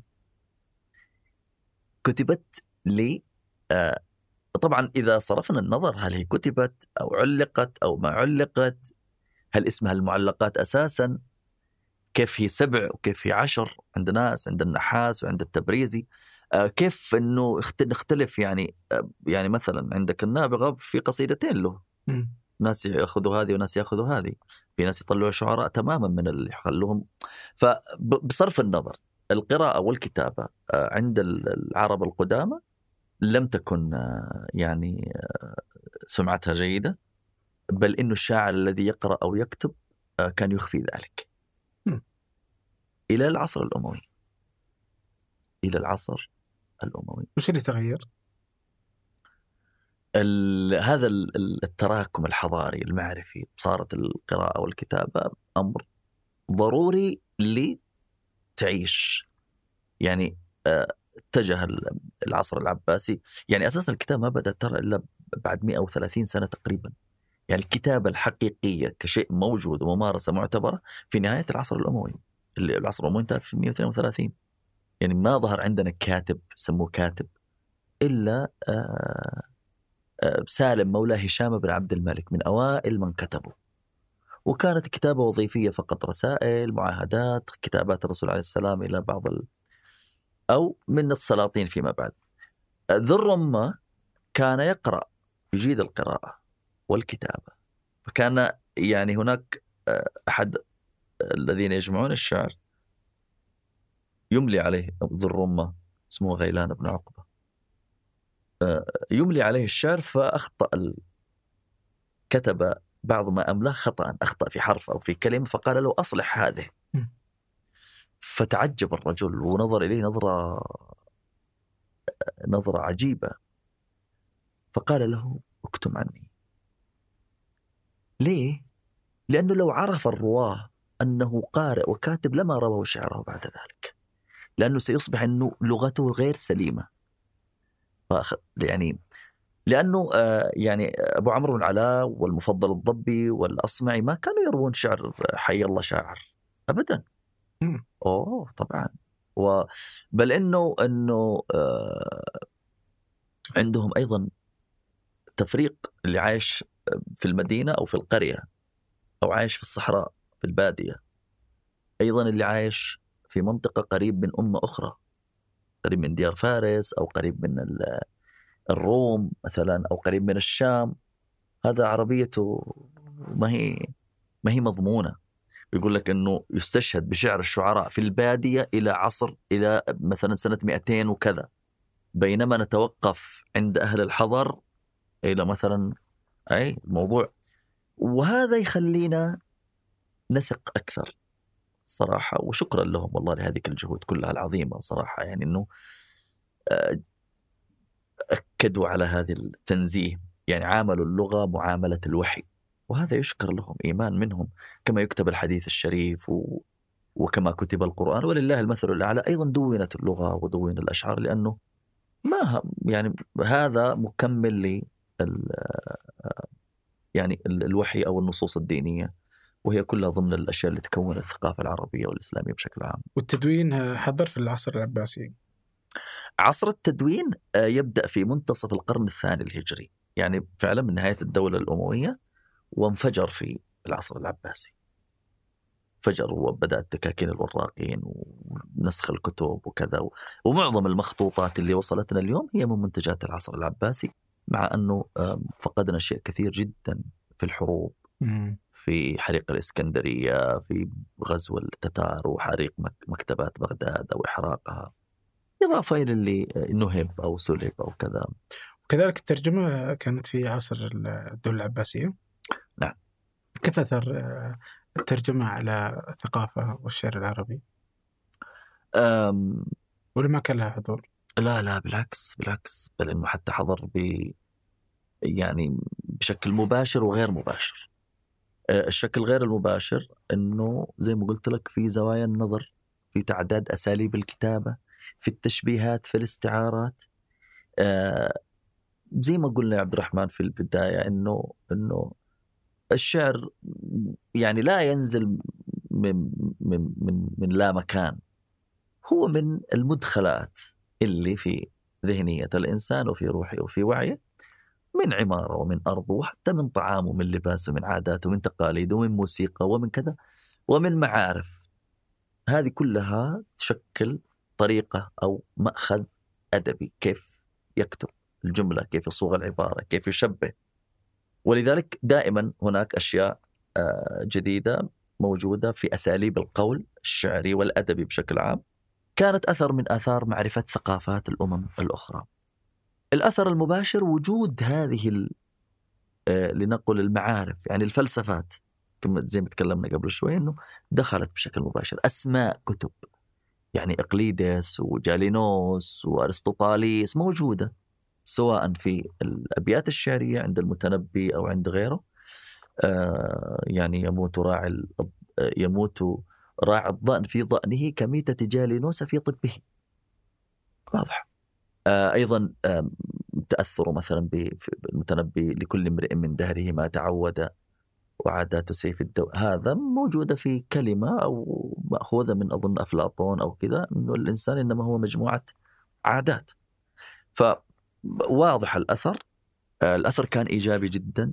نقل يعني بل يعني مؤخرا أو في النهاية النتيجه النهائيه إنه كانت الحضارة العربية هي الوسيط الأمثل. لنقل الحضارات الإغريقية والرومانية إلى الزمن هذا. حيث جاءوا أوروبا واهتموا بالحضارة العربية لأنه فيها كنوز عرفوها. ربما قبلنا عرفوه حتى للأسف يعني. آه، واستفادوا منها سواء في الأندلس أو مع الحروب الصليبية لما أخذوا كثير من الأشياء العربية أو مع العلاقات التجارية والاقتصادية والرحلات. فكان الدور الحضارة العربية آه، ليس فقط دور الوسيط. يعني قلت لك الوسيط الأمثل وأنا كنت حريص على كلمة الأمثل. ليه؟ لأنه ليس ما كانوا فقط جسر. قدموا إضافات عظيمة. قدموا إضافات في الرياضيات وفي الفلك وفي الطب وفي الفيزياء وفي مخترعات كثيرة جدا في الفلك. فكانوا وسيط فعلا حضاري وليس مجرد قناة عبرت منها الحضارة أو المعرفة والتقطتها أوروبا وهذا موجود يعني ما يحتاج أنه نحن نثبت أو ندافع عنه لأنه أي شخص يتبع وموجود في الكتب الحقيقية المنصفة زي قصة الحضارة وغيرها موجودة يعني. طيب وعلى مر التاريخ آه، سواء الكتاب ولا الشعراء آه كان الدافع لهم أنهم يكتبون؟ يعني هل كانت آه، الفلوس والشهرة ولا تقصد في الثقافة العربية؟ والله يا أخي ال... يعني كل إنسان يتجه لابد أن يعبر عن عن نفسه بشكل من الأشكال. هذا يرجعنا يمكن ل- لفلسفة الفن أو فلسفة ال- الأدب أو الإبداع نفسه الخلق أساسا لماذا؟ آه لماذا؟ لأنه احتياج ببساطة ولأنه آه الفن والأدب ملاذ. ملاذ آه آه حياة ربما تكون موازية. أنت عشت تجربة. تستطيع في الحياة لا تستطيع أن تغيرها. تجربة صارت موجودة عشتها. لكنك في الكتابة في السينما في الموسيقى تستطيع أن تعيد خلقها من جديد كما تشاء من وجهة نظرك. إما تعمقها أو تسخفها أو ترمي تأخذها إلى أي اتجاه تريد عبر اللغة عبر اللون عبر الموسيقى عبر الكاميرا عبر أي تقنية فنية موجودة. ف ال ال ال ما ودي أقول إنه آه، يعني هي الصفه من صفات الخلق الكتابة نفسها. فأي إنسان ي- يصح له إنه يصير يعني يخلق عالم ويزهد فيه بالعكس أنا أحس إنه إنه بالدافع ذاتي. وأيضا زي ما قلت لك المدخلات من ثقافة ومن حياة كاملة. التشجيع مهم. يعني المأمون لما يجعل وزن الكتاب المترجم ذهبا. والخلفاء لما يعطون الشعراء الأعطيات. أكيد أنه هذا ربما هدفها غير ح... يعني في في مثلا في في الشعراء والمديح وكذا غير حضاري أو غير ثقافي لكن النتيجة صارت ثقافية في الأخير. صحيح. وهذا شيء جميل. بس يعني لما تتذكر مثلا في عندك نجيب محفوظ مثلا كان يعاني من أزمة الإهمال يعني كان يقول أكتب أكتب ولا ألقى صدى. اللي أكتبه. فما يعني فكيف كان يعني فواضح في أن الإهمال وعدم آه، حضوره بين الناس كان واضح أنه مهم بالنسبة له. ما كان الكتاب اللي يدافع الكتابة فقط والتعبير عن النفس يمكن هذا يخلينا نرجع نتأمل فكرة أو مسألة حرق الكتب اللي حرقوا كتبهم. يعني في ناس آه، وحتى في كتاب صغير كتبه واحد من ال- الزملاء في يعني مؤلف سعودي كتب إنه الحرق الكتب في التراث العربي أو في الثقافة العربية أو شيء زي كذا. آه، لأنه عبد الرحمن ال- الآن أنت لما تتبع مثلا معجم ال ال ال الأدباء ياقوت الحموي آلاف موجودين. ياقوت في السنة القرن الثامن الهجري تقريبا. ما نعرفهم. معظمهم لا نعرفهم. معناه السؤال الجدوى حاضر. يعني هؤلاء أدباء ولهم دواوين كم واحد في عصر المتنبي؟ كم؟ لا نعرف إلا بكم؟ عشرة 15 فقط. فالفكرة أنه أنه بيأتي زمن يعني الناس مثلا كتابات النفري مثلا ما كان أحد ينظر إليها باهتمام. كتابات الصوفية عموما ما كان أحد ينظر إليها باهتمام حتى جاءت حركة الحداثة. مم. أدونيس ومجلة شعر ومجموعة وذهبوا وسلطوا الضوء على كتابات الصوفية كنمط من الشعر المختلف تماما. فهذا خاضع لعدة عوامل. لكن السؤال يعني أذكر كلمة لريلكا يقول إذا كنت تستطيع العيش دون كتابة فافعل. إذا كانت يعني لا تكتب إلا إذا كانت حياتك متوقفة على الكتابة. آه. أي إذا تقدر تعيش وتمشي أمورك. لأنه الكتابة ليست مسألة يعني ليست ترفيه. في ناس يأخذونها ترفيه فعلا. لكن يعني لأن لكن ال- المبدع الحقيقي صراحة هي معاناة يعني الفرزدق يقول يأتي علي وقت وقوله و- وقلع ضرس أهون علي من قول بيت واحد من الشعر فرزدق فهذه هذه هذه مسألة. يعني مسألة الإبداع والخلق هذا يعني مبحث كبير لكن اللي استمروا سواء عرفوا أو لم يعرفوا آه، وجدوا مكافآت أو حوافز أو لم يجدوا هؤلاء من اللي كلمهم ريلكا أنه هؤلاء كتبوا لأنهم لم يستطيعوا الحياة دون كتابة. وهل يفرق بين الناس اللي تكتب لأجل الكتابة والناس اللي تكتب لأجل دوافع خارجية؟ ال- في شيء يسمونه ال- الصدق الفني أو شيء بتعبير القدامى. أتوقع إنه لها جانبين. وظيفة ال- ال- ال- الفن نفسها. هل يعني مع المدرسة اللي تقول الفن للفن أو الفن آه، للحياة. هذه هذه سؤال معني بالأثر أو القيمة ال- ال- الناتج ال- ال- النهائي من الكتابة. لكن مسألة إنه إنه آه، يعني شاعر الجاهلي بالله لما نعود إليه آه، وأنا دائما حوله ادندن يعني. هل كان يعلم أنه أنه شعره سيصل إلى الآن؟ أظن انه لم يكن يفكر في ذلك ابدا، لأنه قالها للهواء، قالها للفراغ والتقطها راوية شخص حفظها. ف ف ف ف فقالها في سمر مع آخر. فحفظها. فأخذها هذا السامر الثاني أو الثالث وأنشدها في سوق عكاظ. فحفظها مجموعة. من كل الجزيرة العربية.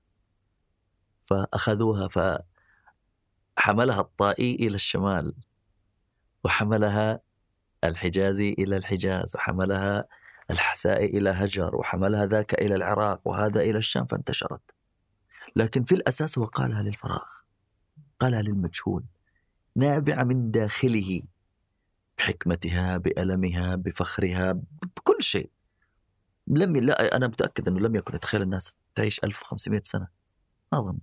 والناس تترج- تترجم للغة الإنجليزية وأنها سيصير في مهرجان امرؤ القيس ومهرجان الأعشى وعن قريب مهرجان طرف بن العبد. فعلا تمام. فعلا. هذا الإيمان لذلك الشعر الجاهلي هو ال... يعني أنا أنا وغيري كثير مغرمين فيه لأنه حقيقي. مرتبط بالحياة مرتبط بالواقع يصف الأرض والناقة. يا رجل تفاصيل صغيرة جدا. يعني ما أبغى أقول إنهم وصفوا حتى حتى حتى روث ال- ال- ال- البهائم كتبوا عنه يعني في في معلقاتهم. عجيب. هذا الالتصاق بالأشياء. الآثار ال- ال- القدر آثار الرماد. الكلب. يقول لك فلان يعني آه، جبان الكلب. كما يقال يعني إنه من الكرم إنه الكلب لا ينبح على الأغراب لأنه من كثر كرمي فهو معتاد على الناس الذين يجون البيت ذا يدخلون يلقون الكرم. فالفكرة إنه آه، في الكتابة الذي يستمر هو شخص غير قادر على الحياة دون كتابة. أما بس الذي يستطيع تلاقيه يعني يكتب فترة وإذا ما لقي جائزة أو ما حصل كذا. قام يسب المشهد كله وينتقد لجان التحكيم ويكفر بالقضية كاملة وأتوقع اللي يبقى فعلا هو هو اللي يكتب يعني لأنه حقيقي ويمثل شخصه. آه لكن آه أنت قلت قبل شيء وظيفة الفن. بدي اعرف إيش وظيفة الفن؟ هل هي تعبير عن شخصك؟ آه تعبير عن حالك؟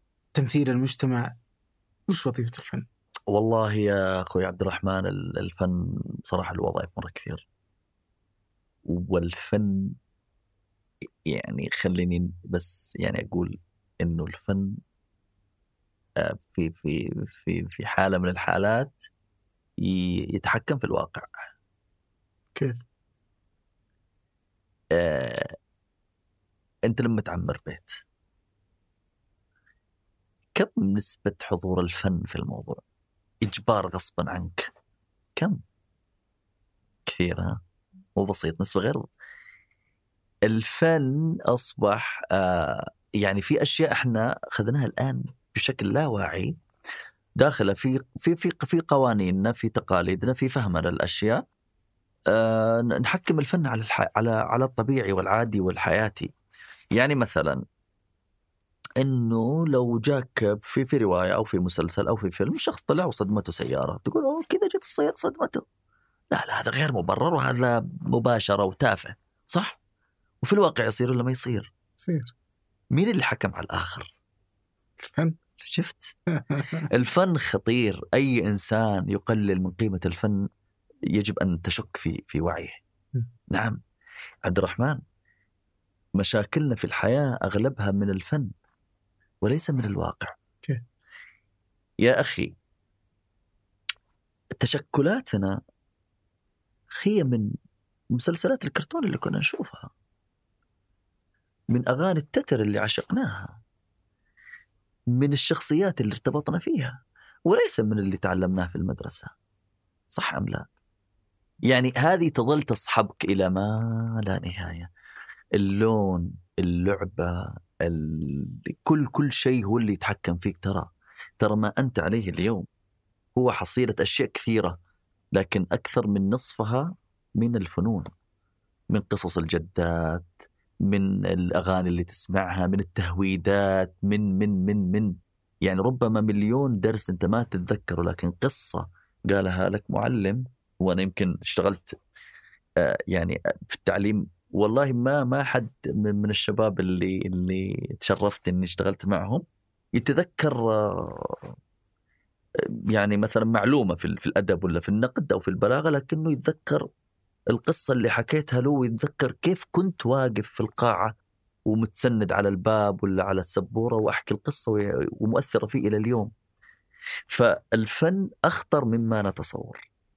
ولذلك دائما أقول إنه الفن آه يعني كلما أحيينا الفنون في الأجيال كلما حظينا بأجيال مسالمة ومعطاءة وبناءة أكثر. فوظيفة الفن يا عزيزي من وظائفه آه فهم الذات اولا. لما تكتب مشاعرك أنت تفهم نفسك أكثر. التنفيس عن ما في داخلك تحتقن بفكرة أو بشعور ما إن تكتبه أو ترسمه أو تلحنه أو تدندنه أنت هنا تخلصت منه بشكل أو بآخر. ووعيت أكثر بالمشكلة. آه، من وظائفه الترفيه آه، أيضا. جزء أساسي منه ترفيه. من وظائفه التربية. تربية. كيف؟ القرآن مثلا. قصص بلا حدود بل إن القصة تعاد في كل مرة ويسلط الضوء على مثلا مكان أو على شخصية أو على حدث معين نفس القصة. ف عجيب. استخدم القصص لإرساء عقيدة وإرساء دين. هذا هنا إعلاء من القيمة الجمالية مثلا للسرد والحكاية. آه، فله وظائف كثيرة يعني الفن عموما. والفن أنا أشوفه قبل يعني ما نسأل هذه الأسئلة كلها لا توجد حياة دون فنون. لا توجد ابدا. طيب ليش الناس دائما تبغى خصوصا الحين أنا ما أدري قديما إذا موجود أنت أدرى بس حاليا تلقى إنه الناس تبغى الفن يمثل آه، مو حقيقة واقعهم وانما ما يتمنون. فتلقى مثلا هنا واحد كان يقول آه، يعني زعلان على نجيب محفوظ فيقول آه، من الذين نقلوا آه، نقلوا صورة مشوهة للمرأة في المجتمع المصري اللي هو نجيب يعني. آه، فصورها فتاة ليل وصورها بالعاهرة وصورها أيضا بالعاشقة. أما صورة المرأة المكافحة العفيفة والفلاحة المصرية المجاهدة لم تكن لها مكان في روايات نجيب محفوظ. فكان يبغى هذه الصورة وما يبغى هذه الصورة. رغم أنه هو مجتمع في كل شيء أو ممكن جزء من خيال نجيب. في مطالبات الناس دائما وتلقى مثلا آه إيش اسمها؟ آه بنات الرياض آه يوم طلعت آه كيف ان الناس انتقدتها وظهر انها منعت حتى. آه وعلى ذلك فقس يعني كثير منها آه يطالب بأنها تكون آه يعني تنقل الصورة الحقيقية. وإذا أخذنا برضو الفن أبعد من الشعر والرواية إلى المسلسلات والأفلام فتلقى يعني المسلسلات السعودية والمسلسلات العربية يعني بين يعني إذا تجاوزت الرقيب فتلقى المشاهدين يزعلون جدا من أي مشهد آه وإن كان حقيقي بس يمثل المجتمع بصورة ما هي حلوة. يقولون يشوه مجتمعنا. فبين هذا كله كيف تشوف الفكرة؟ التلقي مشكلة. تلقي مشكلة. آه ال ال في تلقي أخلاقي أحيانا. أو ديني. خلينا نقول ايديولوجي بالمفهوم الشامل الايديولوجي اللي هو مثلا نقول الموقف الفكري ايا كان. كان ايديولوجيا اجتماعية أو سياسية أو دينية أو ايا كانت. هذا التلقي آه، هو اللي يحاكم أو يجعل النصوص تأخذ صور وآثار وأبعاد آم، حسب حسب المتلقي. ربما النص هو آه، أو الفن سواء كان مسلسل أو رواية أو مسرحية أو فيلم. يعني هو منتج فني. موازي ربما. للواقع أو مخالف له يمثل رؤية أو موقف الفنان اللي أنتجه. م. تمام؟ ال- التلقي آه، أفسد أو يستطيع أن يفسد حتى النصوص المقدسة. يستطيع. لماذا يحترب أو احتربت المذاهب؟ بسبب اختلاف في التلقي. لماذا تعددنا تعددنا وما بين كل المذاهب الأربعة الفقهية والسنة والشيعة والإباضية وغير الإسماعيلية معتزلة ومرجئة وقدرية؟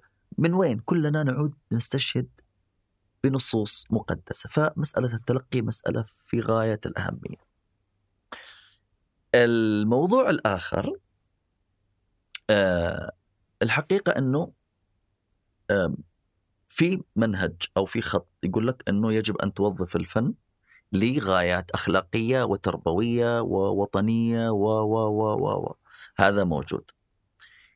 الآن فيه أثر لهذا وهو أفق التوقع، أنا ماذا أتوقع من روائي زي مثلا نجيب محفوظ؟ توقع إنه يبرز الكذا كذا كذا، طيب والسلبيات؟ آه، التلقي الأخلاقي أو التلقي الإيديولوجي هو الذي يوقعنا في هذا، وإحنا في الثقافة السعودية تعرضنا لهذا الحقيقة في أكثر من تجربة. يعني آه، أتذكر آه، في الثمانينات بدأت يعني حركة الحداثة آه، كان أغلبها أدبية الحقيقة وخاليه إلى حد كبير من التوجه الفكري للحداثة في منابعها الأصلية. خرج مجموعة طبعا إحنا كنا تعرف تذكر فترة اللي هي آه، ما يسمى بالصحوة كانت هي الفكر المسيطر في تلك المرحلة فظهر عندنا كتاب اسمه الحداثة في ميزان الإسلام. وبدأ يتحدث عن الحداثة الشعرية أو الأدبية في المملكة العربية السعودية وكل الأسماء والرموز التي ساهمت فيها من موقف ديني. تماما. آه الكتاب صادر عام 1409 تقريبا في عز الصراع ما بين المحافظين والحداثيين. المحافظين ومعهم الجانب الديني طبعا وحماة اللغة العربية الأصالة وكذا والناس اللي يقولون أنه هذا خط جديد في الكتابة ومنفتح و و و و بدأت بالكتاب أنه نكتب شعر معمودي أو لا قصيدة أو شعر منثور أو تفعيلة أو غيره. فكان هذا الكتاب ضربة قوية جدا لكل المنجز الأدبي في تلك الفترة تأذى بسببه حتى الأشخاص. نعم. الذين وردت أسماءهم من أبناء وأبنات ال- الوطن بسبب هذا الحكم اللي ورد في هذا الكتاب الذي لا علاقة له بالأدب بل هو آه، مراجعة أو محاكمة آه، دينية للمنتج الأدبي لها ما لها وعليها ما عليها. بنات الرياض وما إلى ذلك ظهر أيضا كتاب آخر يحاكم الرواية السعودية اللي انفجرت في آه، من زي ما قلت لك من بعد 2001 بدأت تتحدث كتابات نسائية كثيرة عن وضع المرأة عن أيضا ال- سيطرة بعض ال- الأصوات الدينية المتشددة أيضا على الإرهاب وعلى يعني كانت زي ما قلت لك مراجعة شاملة للذات السعودية. ثقافيا وفكريا واجتماعيا من خلال الرواية. ظهر أيضا كتاب يحاكمها بل أنه على طاري بنات الرياض ظهرت رواية ثانية بنفس الاسم تقريبا اسمها فتاة الرياض أو شيء. يظهر المرأة أو بنت الرياض بأنها إنسانة آه، محافظة ومتدينة وكذا. هذا الصراع طبيعي. طبيعي. طبيعي جدا طبيعي جدا وموجود ولن ينتهي. وجهة نظري أنا أنه لن- ينتهي طالما هناك اتجاهات فكرية ومصالح شخصية. مصالح شخصية تريد أن تختطف شيء لنفسها. يعني مثلا إذا رجعنا لقصة المتنبي كان سهمه في الطالع مع سيف الدولة إلى أن تحرك مجموعة في بلاط الأمير وقلبوا عليه الطالة وخرج مخذولا دامي الوجه بعد أن رمى أحد الجالسين بمحبرة أظن ابن خالوي الأديب وخرج من بلاط سيف الدولة. وإن كان سركم وما قال حاسدنا فما لجرح إذا أرضاكم ألم. أي. فهذه الصراعات موجودة ولكن آه، يجب التعامل معها آه، آه، برؤية ثقافية شاملة تتيح التعدد والاختلاف ولكن في إطار محدد. طيب بس يعني مثلا إذا أخذنا المجون مثلا كمعيار أو واحدة من العناصر فهل كان زمان يعني لأنها تجدها حتى في المعلقات واللي يمكن تكون المعلقات كانت معلقة على أستار الكعبة وغيرها فتجدها يعني هل كانوا يعني ينزعجون من هذا ولا هو حساسية أصبحت اليوم تجاه المجون وما لا أتقبله شخصيا تجاه مجتمعي أصبحت حادة اليوم؟ أي. آه خلينا بس نوقف عند كلمة المجون يا عبد الرحمن. لازم لازم نتفق على مفهومها بالضبط. المجون آه كلمة واسعة جدا. تبدأ من النكتة والمقالب والسخرية إلى أن تصل إلى مثلا آه، التجاوزات الأخلاقية أو الممارسات الأخلاقية غير الخارج عن الحدود المقبول. هذا كله اسمه مجون. تمام؟ الثقافة العربية آه، حافلة بمدونات تفرغت لهذه السرديات سواء ما فيها من هزل وما فيها من سخرية وما فيها من فكاهة بل هناك مباحث كثيرة جدا وفي رسائل عن الفكاهة في الأدب العربي وهناك أيضا كتب تحدثت عن آه، ما يسمى أو ما ربما يصنف في الفحش الأخلاقي آه، وبعض الممارسات غير المقبولة وهي موجودة بل أسهم فيها حتى بعض المتدينين من الفقهاء وغيرهم. وهي موجودة سواء في مؤلفات زي ما قلت لك مستقلة متخصصة في هذا الجانب أو تأتي ضمن أبواب الكتاب الذي يبدأ بآيات قرآنية وأحاديث ومواعظ ثم يتجه إلى الأخلاق والآداب والمواعظ والحكام والسلطان وصحبة كذا ويتجه إلى أبواب المجون ويختم بها. الثقافة ال ال ال لا أعرف أنا في, حد علمي المتواضع أنه في أحد علمي المتواضع جدا لا أعرف أن هناك كاتبا أو مثقفا في الثقافة العربية القديمة حوكم بسبب مثل هذه الكتابات. نعم. حاكم أو يحاسب بسبب أشياء عقدية زي مثلا الصراع بين السنة والمعتزلة في عصر المتوكل والمعتصم وهؤلاء أو أشياء سياسية أو مواثيق كتبها زي ابن المقفع وكذا لكن يتهم بالزندقة إذا وليس لهذا هذا ربما يكون جزء لكن السبب الأساسي إنه انحرافات عقدية أو كذا وخاصة مع الأعراق المختلفة. آه، الثقافة القديمة الثقافة العربية كانت أكثر تسامحا مع كتابات الهزل والفكاهة والمجون من ثقافتنا المعاصرة. والحق أنه آه، إنه إنه هذا خط من خطوط أو اتجاه من اتجاهات الكتابة القديمة موجود موجود في الشعر وموجود في غيره.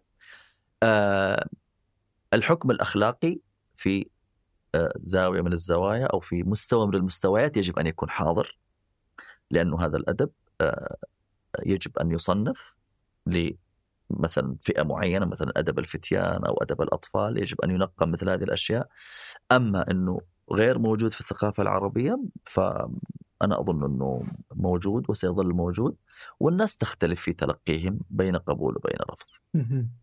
ويمكن الأدوات تختلف اليوم مثلا لما يصبح مثلا يعني أتوقع إن اليوم لا تزال الروايات عندها هذه المساحة الأعلى منها في الأفلام والمسلسلات ولا؟ والله هو التلقي زي ما أقول لك عجيب يعني ممكن تقبلها في رواية لكن إذا صارت على الشاشة ما تقبلها. يعني مستوى المباشرة أو مستوى التجسيد لغويا يختلف عن التجسيد من ممثلين. أه بخليك خليني أقول لك شغلة. في الأعمال الفنية والأدبية تستطيع أن تقو أن تمرر كثير من الأفكار ب... ب... بتسامي لغوي وبذكاء حرفي سواء في الفن أو سواء في التمثيل حتى آه، بدون أن أن أن أن, أن تكاشف أو أو أو تكون مباشر في مثل هذه الأشياء. آه، بس يعني أحيانا يكون مثل هذا العنصر هو الهدف من الكتابة إيه. أو الهدف من المسلسل أو الهدف من الفيلم مثلا وهذا يأتي إلى ال ال يعني الإباحية أو المباشرة أو في الأدب مثلا الأدب مكشوف كما. يقال ما الغرض منه؟ هل فيه غاية جمالية إنسانية اجتماعية؟ لا أعلم. يعني بس إنه ممكن أحيانا أنا بس أعبر عن نفسي صح؟ وأنت كنت تقول إنه يعني هذا جزء من كتابة ال... الذات أو من تجربة معينة أو أي شيء. ولذا الفنان يصبح فنان من هالجانب سواء في أدب ولا في كتابه ولا في رسم ولا في غيره. بس هل هذا الحين يمثله هو شخصيا ولا يمثل المجتمع؟ ليش الناس دائما تقول إنه يمثل المجتمع؟ وهذا هذا أو يشوه المجتمع أو ايا يكن يعني. آه هذه هذه مسألة نسبية. يعني هو في الحقيقة أنه الفنان لا يمثل إلا نفسه. أبدا. الكاتب الروائي لا يمثل إلا نفسه. وصارت عندنا مثلا تذكر آه، كتاب خواطر مصرحة لمحمد حسن عواد الله يرحمه. عمر الكتاب آه، عن 90 سنة أو أكثر. وصل الأمر إلى إلى إلى المطالبة بإعدامه. الآن لو تقرأ الكتاب تقول عجيب. لأجل هذا يعني في بعض الأفكار اللي هي مثلا تعليم المرأة مثلا. الرغبة في وجود شخصية مستقلة للشاب السعودي كذا كذا. في بدايات طبعا توحيد المملكة كان هذا الكلام. خواطر مصرحة يعتبر كتاب مجرم. يعني ولكن ما يعني لن قلت لك هذه الصراعات ما راح نخلص منها ابدا وستظل موجودة. وستزداد متى ما تدخل غير أهل الأدب في حرفة الأدب. شلون؟ افترض كل الناس تقدر تسوي اللي تبغاه تقرأ بس ما تفتي، شلون تقصد؟ يعني الأدب يا والله أحيانا يعني يكون الحيط المايل. يعني كل الناس تتكلم في الأدب بس ما حد يقد... الأديب ما يسمح له يتكلم في الطب، صحيح ليه طيب؟ إيش العلاقة؟ يعني هذا الموضوع مختلف مو علاقة. هذه مسألة إنسانية يكون يكون عندي رأي سواء في الفن ولا في الأدب ولا في غيره ممتاز رأي راي ما. تفتي ما تفتي ما؟ تجي تقول قول. نجيب محفوظ أساء للكذا أو فلان رأيي. جنى على الرواية كذا وتصدر okay أنا أقدر أقول والله مثلا ال- ال- البنادول مثلا في كذا وكذا وكذا وأنا أدري ما لي علاقة أتكلم عن مكوناته أنا أقول أعجبني الرواية جميلة اقروها بس. والله الموضوع مختلف مرة يا أبو لأنه. الحيط المائل الادب لا موضوع إنساني يعني المواضيع الانسانيه تختلف عن المواضيع العلميه الذائقة وإبداء الرأي. okay إبداء الرأي أوكي تمام إيه. لكن تجي وتفتي نقول لك تفتي إيه. وتصدر إنه هذا أساء للمجتمع ولا ما أساء للمجتمع لما جاء ذاك إلى عمر بن الخطاب ها وعمر بن الخطاب من اعلم الناس بالشعر تمام؟ ما افتاه قال له روح لحسان. شفت؟ واحد جاي يقول فلان هجاني. اللي هو الزبرقان بن بدر هجاه أظنه الحطيئة. يقولون اللي ما بقى أحد ما هجاه. يعني لعب في قال له دع المكارم لا ترحل لبغيتها واقعد فإنك أنت الطاعم الكاسي يعني تأكل وتشرب. الآن طاعم وكاسي يعني ممكن تكون مطعم. وممكن تكون أنت مطعم. فعمر ما أفتى مع إنه أكيد إنه عنده القدرة لكن هو ما ما هو أديب ما هو ناقد أدب. حوله على الشاعر. أنا هذا اللي أقوله. okay. إنه الجميع يفتي في الأدب. ال- الإبداء الرأي okay تمام. عجبني ما عجبني جميل رديء الشخصية الإيقاع الكذا okay.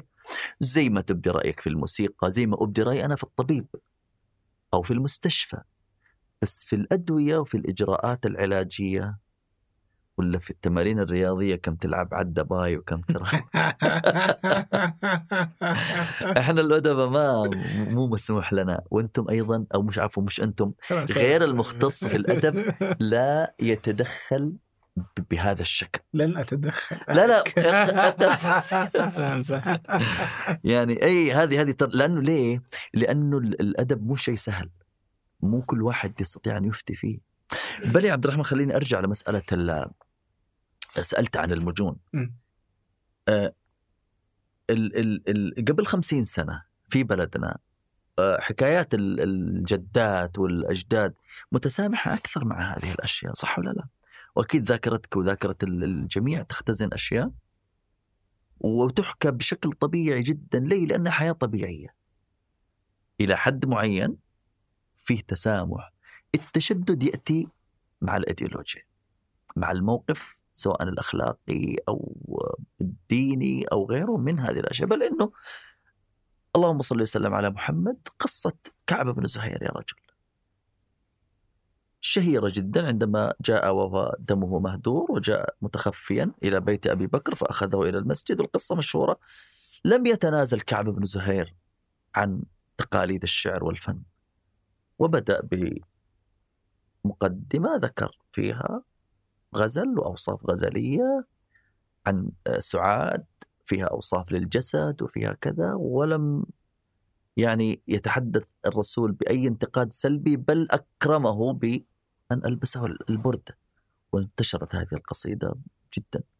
ف آه، يعني أقصد أنه ال- الفكر ال- الوعي وحتى في القرآن والشعراء يتبعهم الغاوون مو معنى أنهم آه، يعني أنه أنه أنه يعني في في فرق بين التخيل يعني النبي صلى الله عليه وسلم لو قيل هذا الكلام أمامه في أوصاف سعاد ل- لامرأة موجودة بشكل حقيقي لن يكون مقبولا هذا الكلام لكن لأنه تخيل ما معنى تخيل؟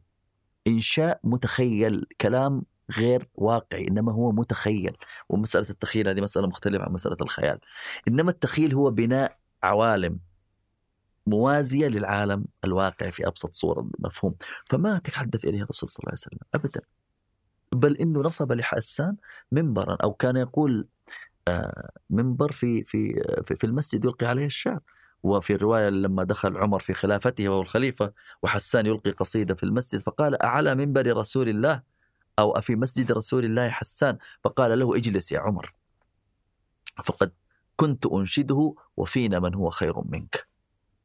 الخيرية هنا في القيمة المقدسة للنبي صلى الله عليه وسلم وأيضا في ال- ال- الوعي بمساله الفن والشعر. طيب آه على ال- الفن في عندنا الرواية وفي عندنا ودي أخذ ال- الرواية السعودية مم. فكنت تقول إن الرواية السعودية هي رواية الآخر بامتياز وين قلت الكلام هذا أنا؟ وين قلته؟ ليش مو كذا؟ إلا كذا إلا قلت قلت وش تقصد؟ آه وأي حقبة تتكلم عنها؟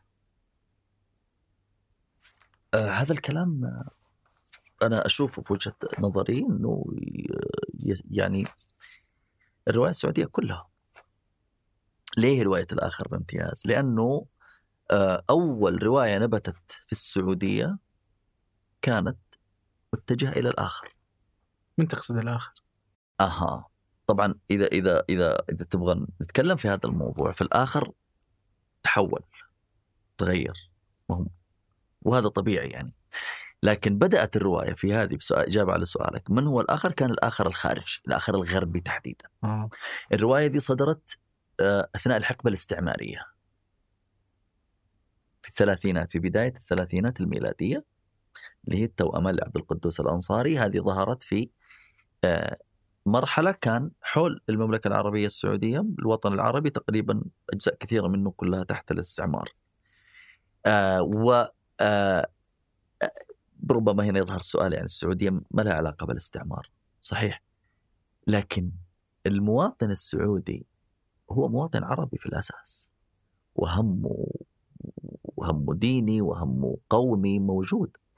فتنبه عبد القدوس الأنصاري إلى وجود بعض آه، الآثار الاستعمار الآثار الفكرية الظلال أو الأفق الثقافي والأخلاقي للاستعمار فكتب هذه الرواية وكتب مقدمة ربما تعادل أهميتها أهمية الرواية إنه إحنا الآن نكتب هذه الرواية لنرد أو نتحدث مع الغرب بفن غربي الرواية فن غربي في الأساس شئنا ما بينه هي يعني جنس أدبي جاي من الغرب ولم يكن موجود في الثقافة السعودية حتى في الثقافة العربية ترى الرواية المصرية ما سبقت الرواية السعودية إلا. بسنوات بسيطة يعني اللي رواية زينب. آه وهي فن آخر أساسا دخيل على الشعر منافس للشعر وفن محتقر غير محترم. لم تكن الرواية محترمة. حتى في في في في, في الغرب ما كانت محترمة الرواية. إلى الخمسينات ال- الميلادية أو خلينا نقول النصف الأول من القرن الماضي ما كانت محترمة الرواية. نعم. آه، حتى إنه صاحب أول رواية عربية ما كتب اسمه عليها. ليه؟ كتب فلاح مصري. على الغلاف أي والله. لأنه العقاد آه، هجر الرواية والروائيين.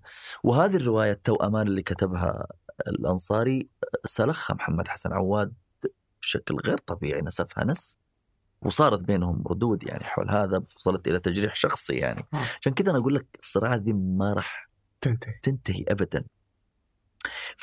فكتب هذه ووضح في مقدمة ال- الرواية إنه لأجل الرد على الغرب أو على هذه الأفكار بجنس لغتهم والفنون اللي فكان تصريح من الكاتب إنه أنا كتبتها لي أتحدث مع هذا الآخر الخارجي. واستمرت آه، في 30 سنة لاحقة لا تتحدث إلا عن هذه الأشياء.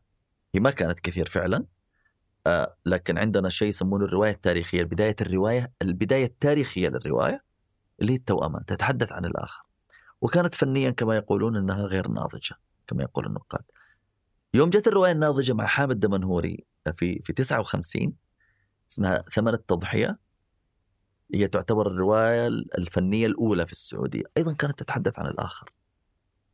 وهي حكاية شاب راح مصر ودرس في مصر أيضا خارج الوطن. آخر لكن آخر عربي وتعلم وكذا.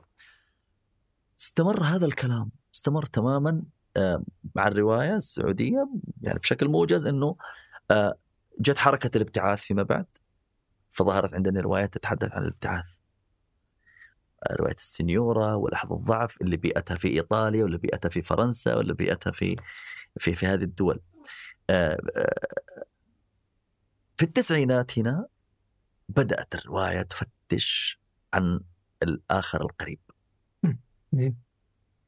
ليه؟ لأنه بدأ المكون الهوياتي أو سؤال الهوية يظهر عند المثقف السعودي أو المواطن السعودي قلت لك تحدثنا يمكن في البداية حرب الخليج الصحوة آه، أحداث 11 سبتمبر الإسلام الغرب العرب. حتى ال- الوعي بالذات السعودية وعي السعودي بذاته المستقلة أمام الذوات العربية الأخرى أيضا كان مهم. يعني تعرف أنه في في بدايات ال ال ال يعني الحلم العربي بأمة عربية واحدة وهذه الوعود والعنتريات وأنه راح نفعل ونفعل ودولة يعني أمة عربية واحدة. آه، كان في نظرة سلبية تجاه الخليج. بل أنه بعض المفكرين العرب يعني يقولها وكتبها في أكثر مثلا من مؤتمر أو كتاب أنه أنه ثروات الخليج أو النفط الخليجي هو سبب من أسباب إجهاض الحلم الأمة العربية. آه، ف ويوم جت أزمة الخليج وضعت ال ال الأمر كذا بشكل واضح كيف أنه بعض الدول صارت ضد دول الخليج ضد الكويت ضد السعودية ومن جيراننا يعني مهم بعيدين. فهنا صارت هزة حقيقية. ترى الحروب والأزمات هذه فعلا وين تروح؟ تروح أفلام مسلسلات روايات قصائد مقالات. مين كان الآخر في هذه الحقبة؟ مبدئيا كان الآخر في البدايات كان الآخر الغربي. زي ما قلت لك في الثلاثينات في الخمسينات إلى الثمانينات. العربي. التسعينات بدأ الآخر العربي صراحة. يعني شقه آه. الحرية كلها تتكلم عن العهد الناصري. آه، ثلاثية تركي الحمد الشهيرة أضياف الأزقة المهجورة اللي هي العدامة والشميسي والكراديب كلها تتحدث عن تجربة هشام العابر في حزب البعث. مع شوية ناصرية على شوية آه، بعض الأفكار الماركسية وكذا. آه، عبدو خال كمان في مدن تأكل العشب تكلم أيضا عن الحقبة الناصرية وأشار إلى في روايته إلى ضرب آه، جمال عبد الناصر لمنطقة جيزان في أيام حرب اليمن وكذا. فظهر الآخر العربي بعد ما كان الآخر الغربي المسيطر شوية وهي طبعا أعداد الروايات أصلا قبل التسعينات جدا محدودة ترى محدودة جدا. يعني صدر إلى قبل 95 عشرات الروايات 30 آه. ولا 40 إي طبعا ما في والأسماء محدودة. آه، جاءت في 95 و94 يعني التسعينات عموما بدأت خاصة مع هذول الثلاثة أنا أقدر أقول تركي الحمد وعبد خال وغازي القصيبي طبعا. بدأ ال- الكتاب الرواية تنضج جدا وتعالج ال- ال- الآخر العربي ثم الآخر السعودي الآخر المحلي. الذات لها أكثر من مكون.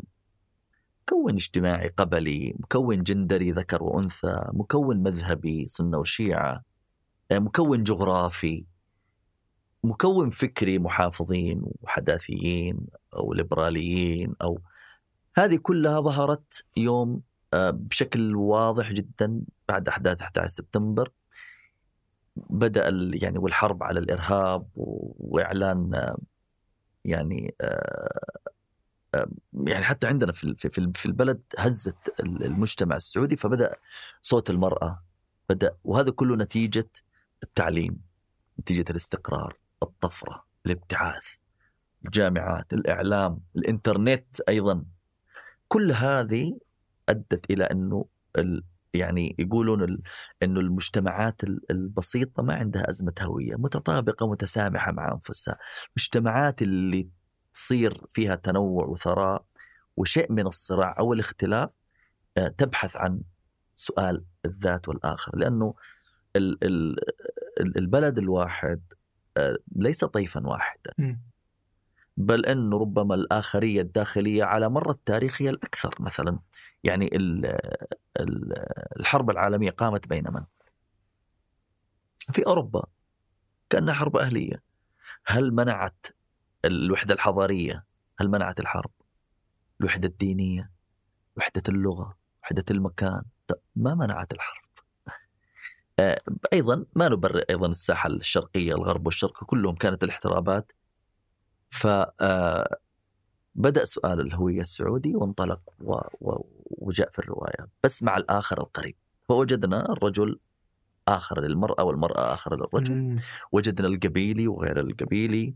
وجدنا الحجازي والنجدي والحساوي والجيزاني والقصيمي. وجدنا الشم... وجدنا هذه وجدنا الطبقات الاجتماعية. وجدنا السود ملونين ضد الأبيض. وجدنا أصحاب الحرف ال- اللي لهم تسمية أظن عندنا موجودة. آه، وجدنا هذه كل الطبقات الاجتماعية وجدت. في الرواية في. الرواية طبعا طبعا طبعا. آه، روايات كثيرة يعني آه، خاصة الصوت خلينا نقول ال- الصوت النسوي أو التيار النسوي صعد بقوة في في هذه الفترة من بعد ال 2000 إلى 2010 وكان فيه اهتمام نقدي كبير واهتمام إعلامي كبير وزي ما قلت لك كان في أكثر من 100 رواية سنويا تصدر في المملكة العربية السعودية. نعم سنويا. وتراجع الشعر آه، جدا في هذه المرحلة وأصبح الناس يتجهون للرواية. حتى دور النشر لا تعبأ بديوان شعري يعني آه، وتتجه لطباعة الروايات. آه، فاستمرت الرواية رواية الآخر ولكن الآخر القريب وهذا كان مفيد جدا في الوعي بالذات. أسئلة يعني ال- الانشطارات أو الانقسامات الداخلية. هذه ال- ال- الانقسامات اللي آه، الدولة السعودية تحتويها كلها وبحكمة المؤسس الله يرحمه يعني استوعبت كل هذه الاختلافات بلورتها في هوية اسمها الهوية السعودية. عبد الرحمن عندنا يعني الهوية السعودية ترى تعرضت لمشاكل كثيرة. تعرضت إما لاختطاف أو لإلغاء أو لتشويه أو لتعمية. يا أخي ال ال يعني ال ال البلد كبلد ناشئ يعني تبدأ عبقرية المؤسس الله يرحمه في كيف استنقذ هذه البقعة الكبيرة الجغرافية من أنياب القوى الكبيرة. التأسيس تم في عهد موسوليني وفي عهد هتلر وفي عهد الإمبراطورية يعني الفاشي الفاشية والنازية والشيوعيه والملك عبد العزيز مسك الجزيرة العربية. هذا شيء خرافي شيء خرافي جدا كيف؟ ليس بالإقصاء ولا فقط بالحرب أو بال بل بالعكس بالحفاظ على.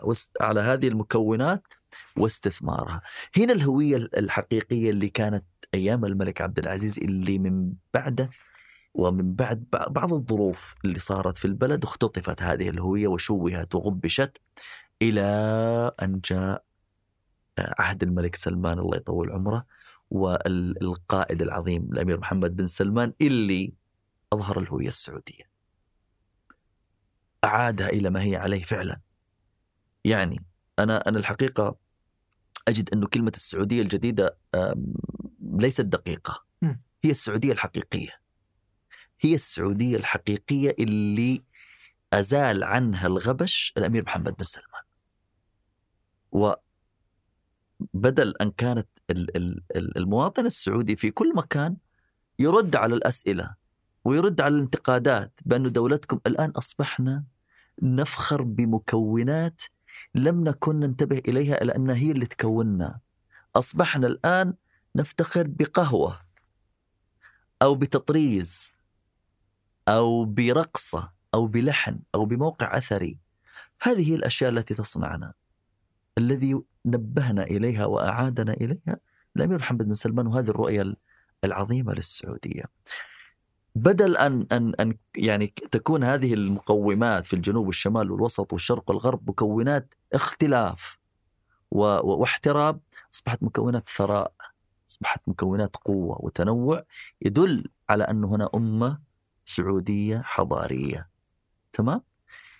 يعني ما بين آه، تلك الذات الموزعة أصبح الآن يعني كبار اللاعبين العالميين يلبسون البشت السعودي ويحاولون يتكلمون اللهجة السعودية العربية تماما كما في عصور الحضارة العربية الكبرى. هذا كان فقط يحتاج إلى آه، قائد عبقري مثل محمد بن سلمان لأنه المواطن والإنسان جاهز فقط كيف تنقي الذات والهوية السعودية من كل الشوائب اللي اختطفتها في فترة من الفترات وكيف يعني نقتنع ونؤمن أن الوطن ليس مجرد كلام مباشر عن الوطن فقط. الفن مواطنة والبناء مواطنة وريادة الأعمال مواطنة والرياضة والموسيقى والآداب والفنون والمسرح والاقتصاد والاتصالات وثورة المعلومات كلها هذه تصب في آه، المكون أو المكونات الهوياتية اللي إحنا اليوم يعني نعيش مرحلة لم تكن آه، مسبوقة من قبل. الله يعطيك العافية. شكرا جزيلا. شكرا لك. شكرا لكم. شكرا لأيمن الحمادي في إعداد الحلقة ووهاب آه، موسى خلف الكاميرات وفي التسجيل الصوتي عبد العزيز المزي والهندسة الصوتية محمد الحسن والتحرير محمد نور شمت وفي إدارة محتوى التواصل الاجتماعي نور السبيعي وفي التلوين عبد المجيد العطاس في إدارة آه، التحرير أسيل بعبد الله. هذا فنجان أحد منتجات شركة ثمانية للنشر والتوزيع. ننشر كل الإنتاج بحب من مدينة الرياض. الأسبوع المقبل ألقاكم.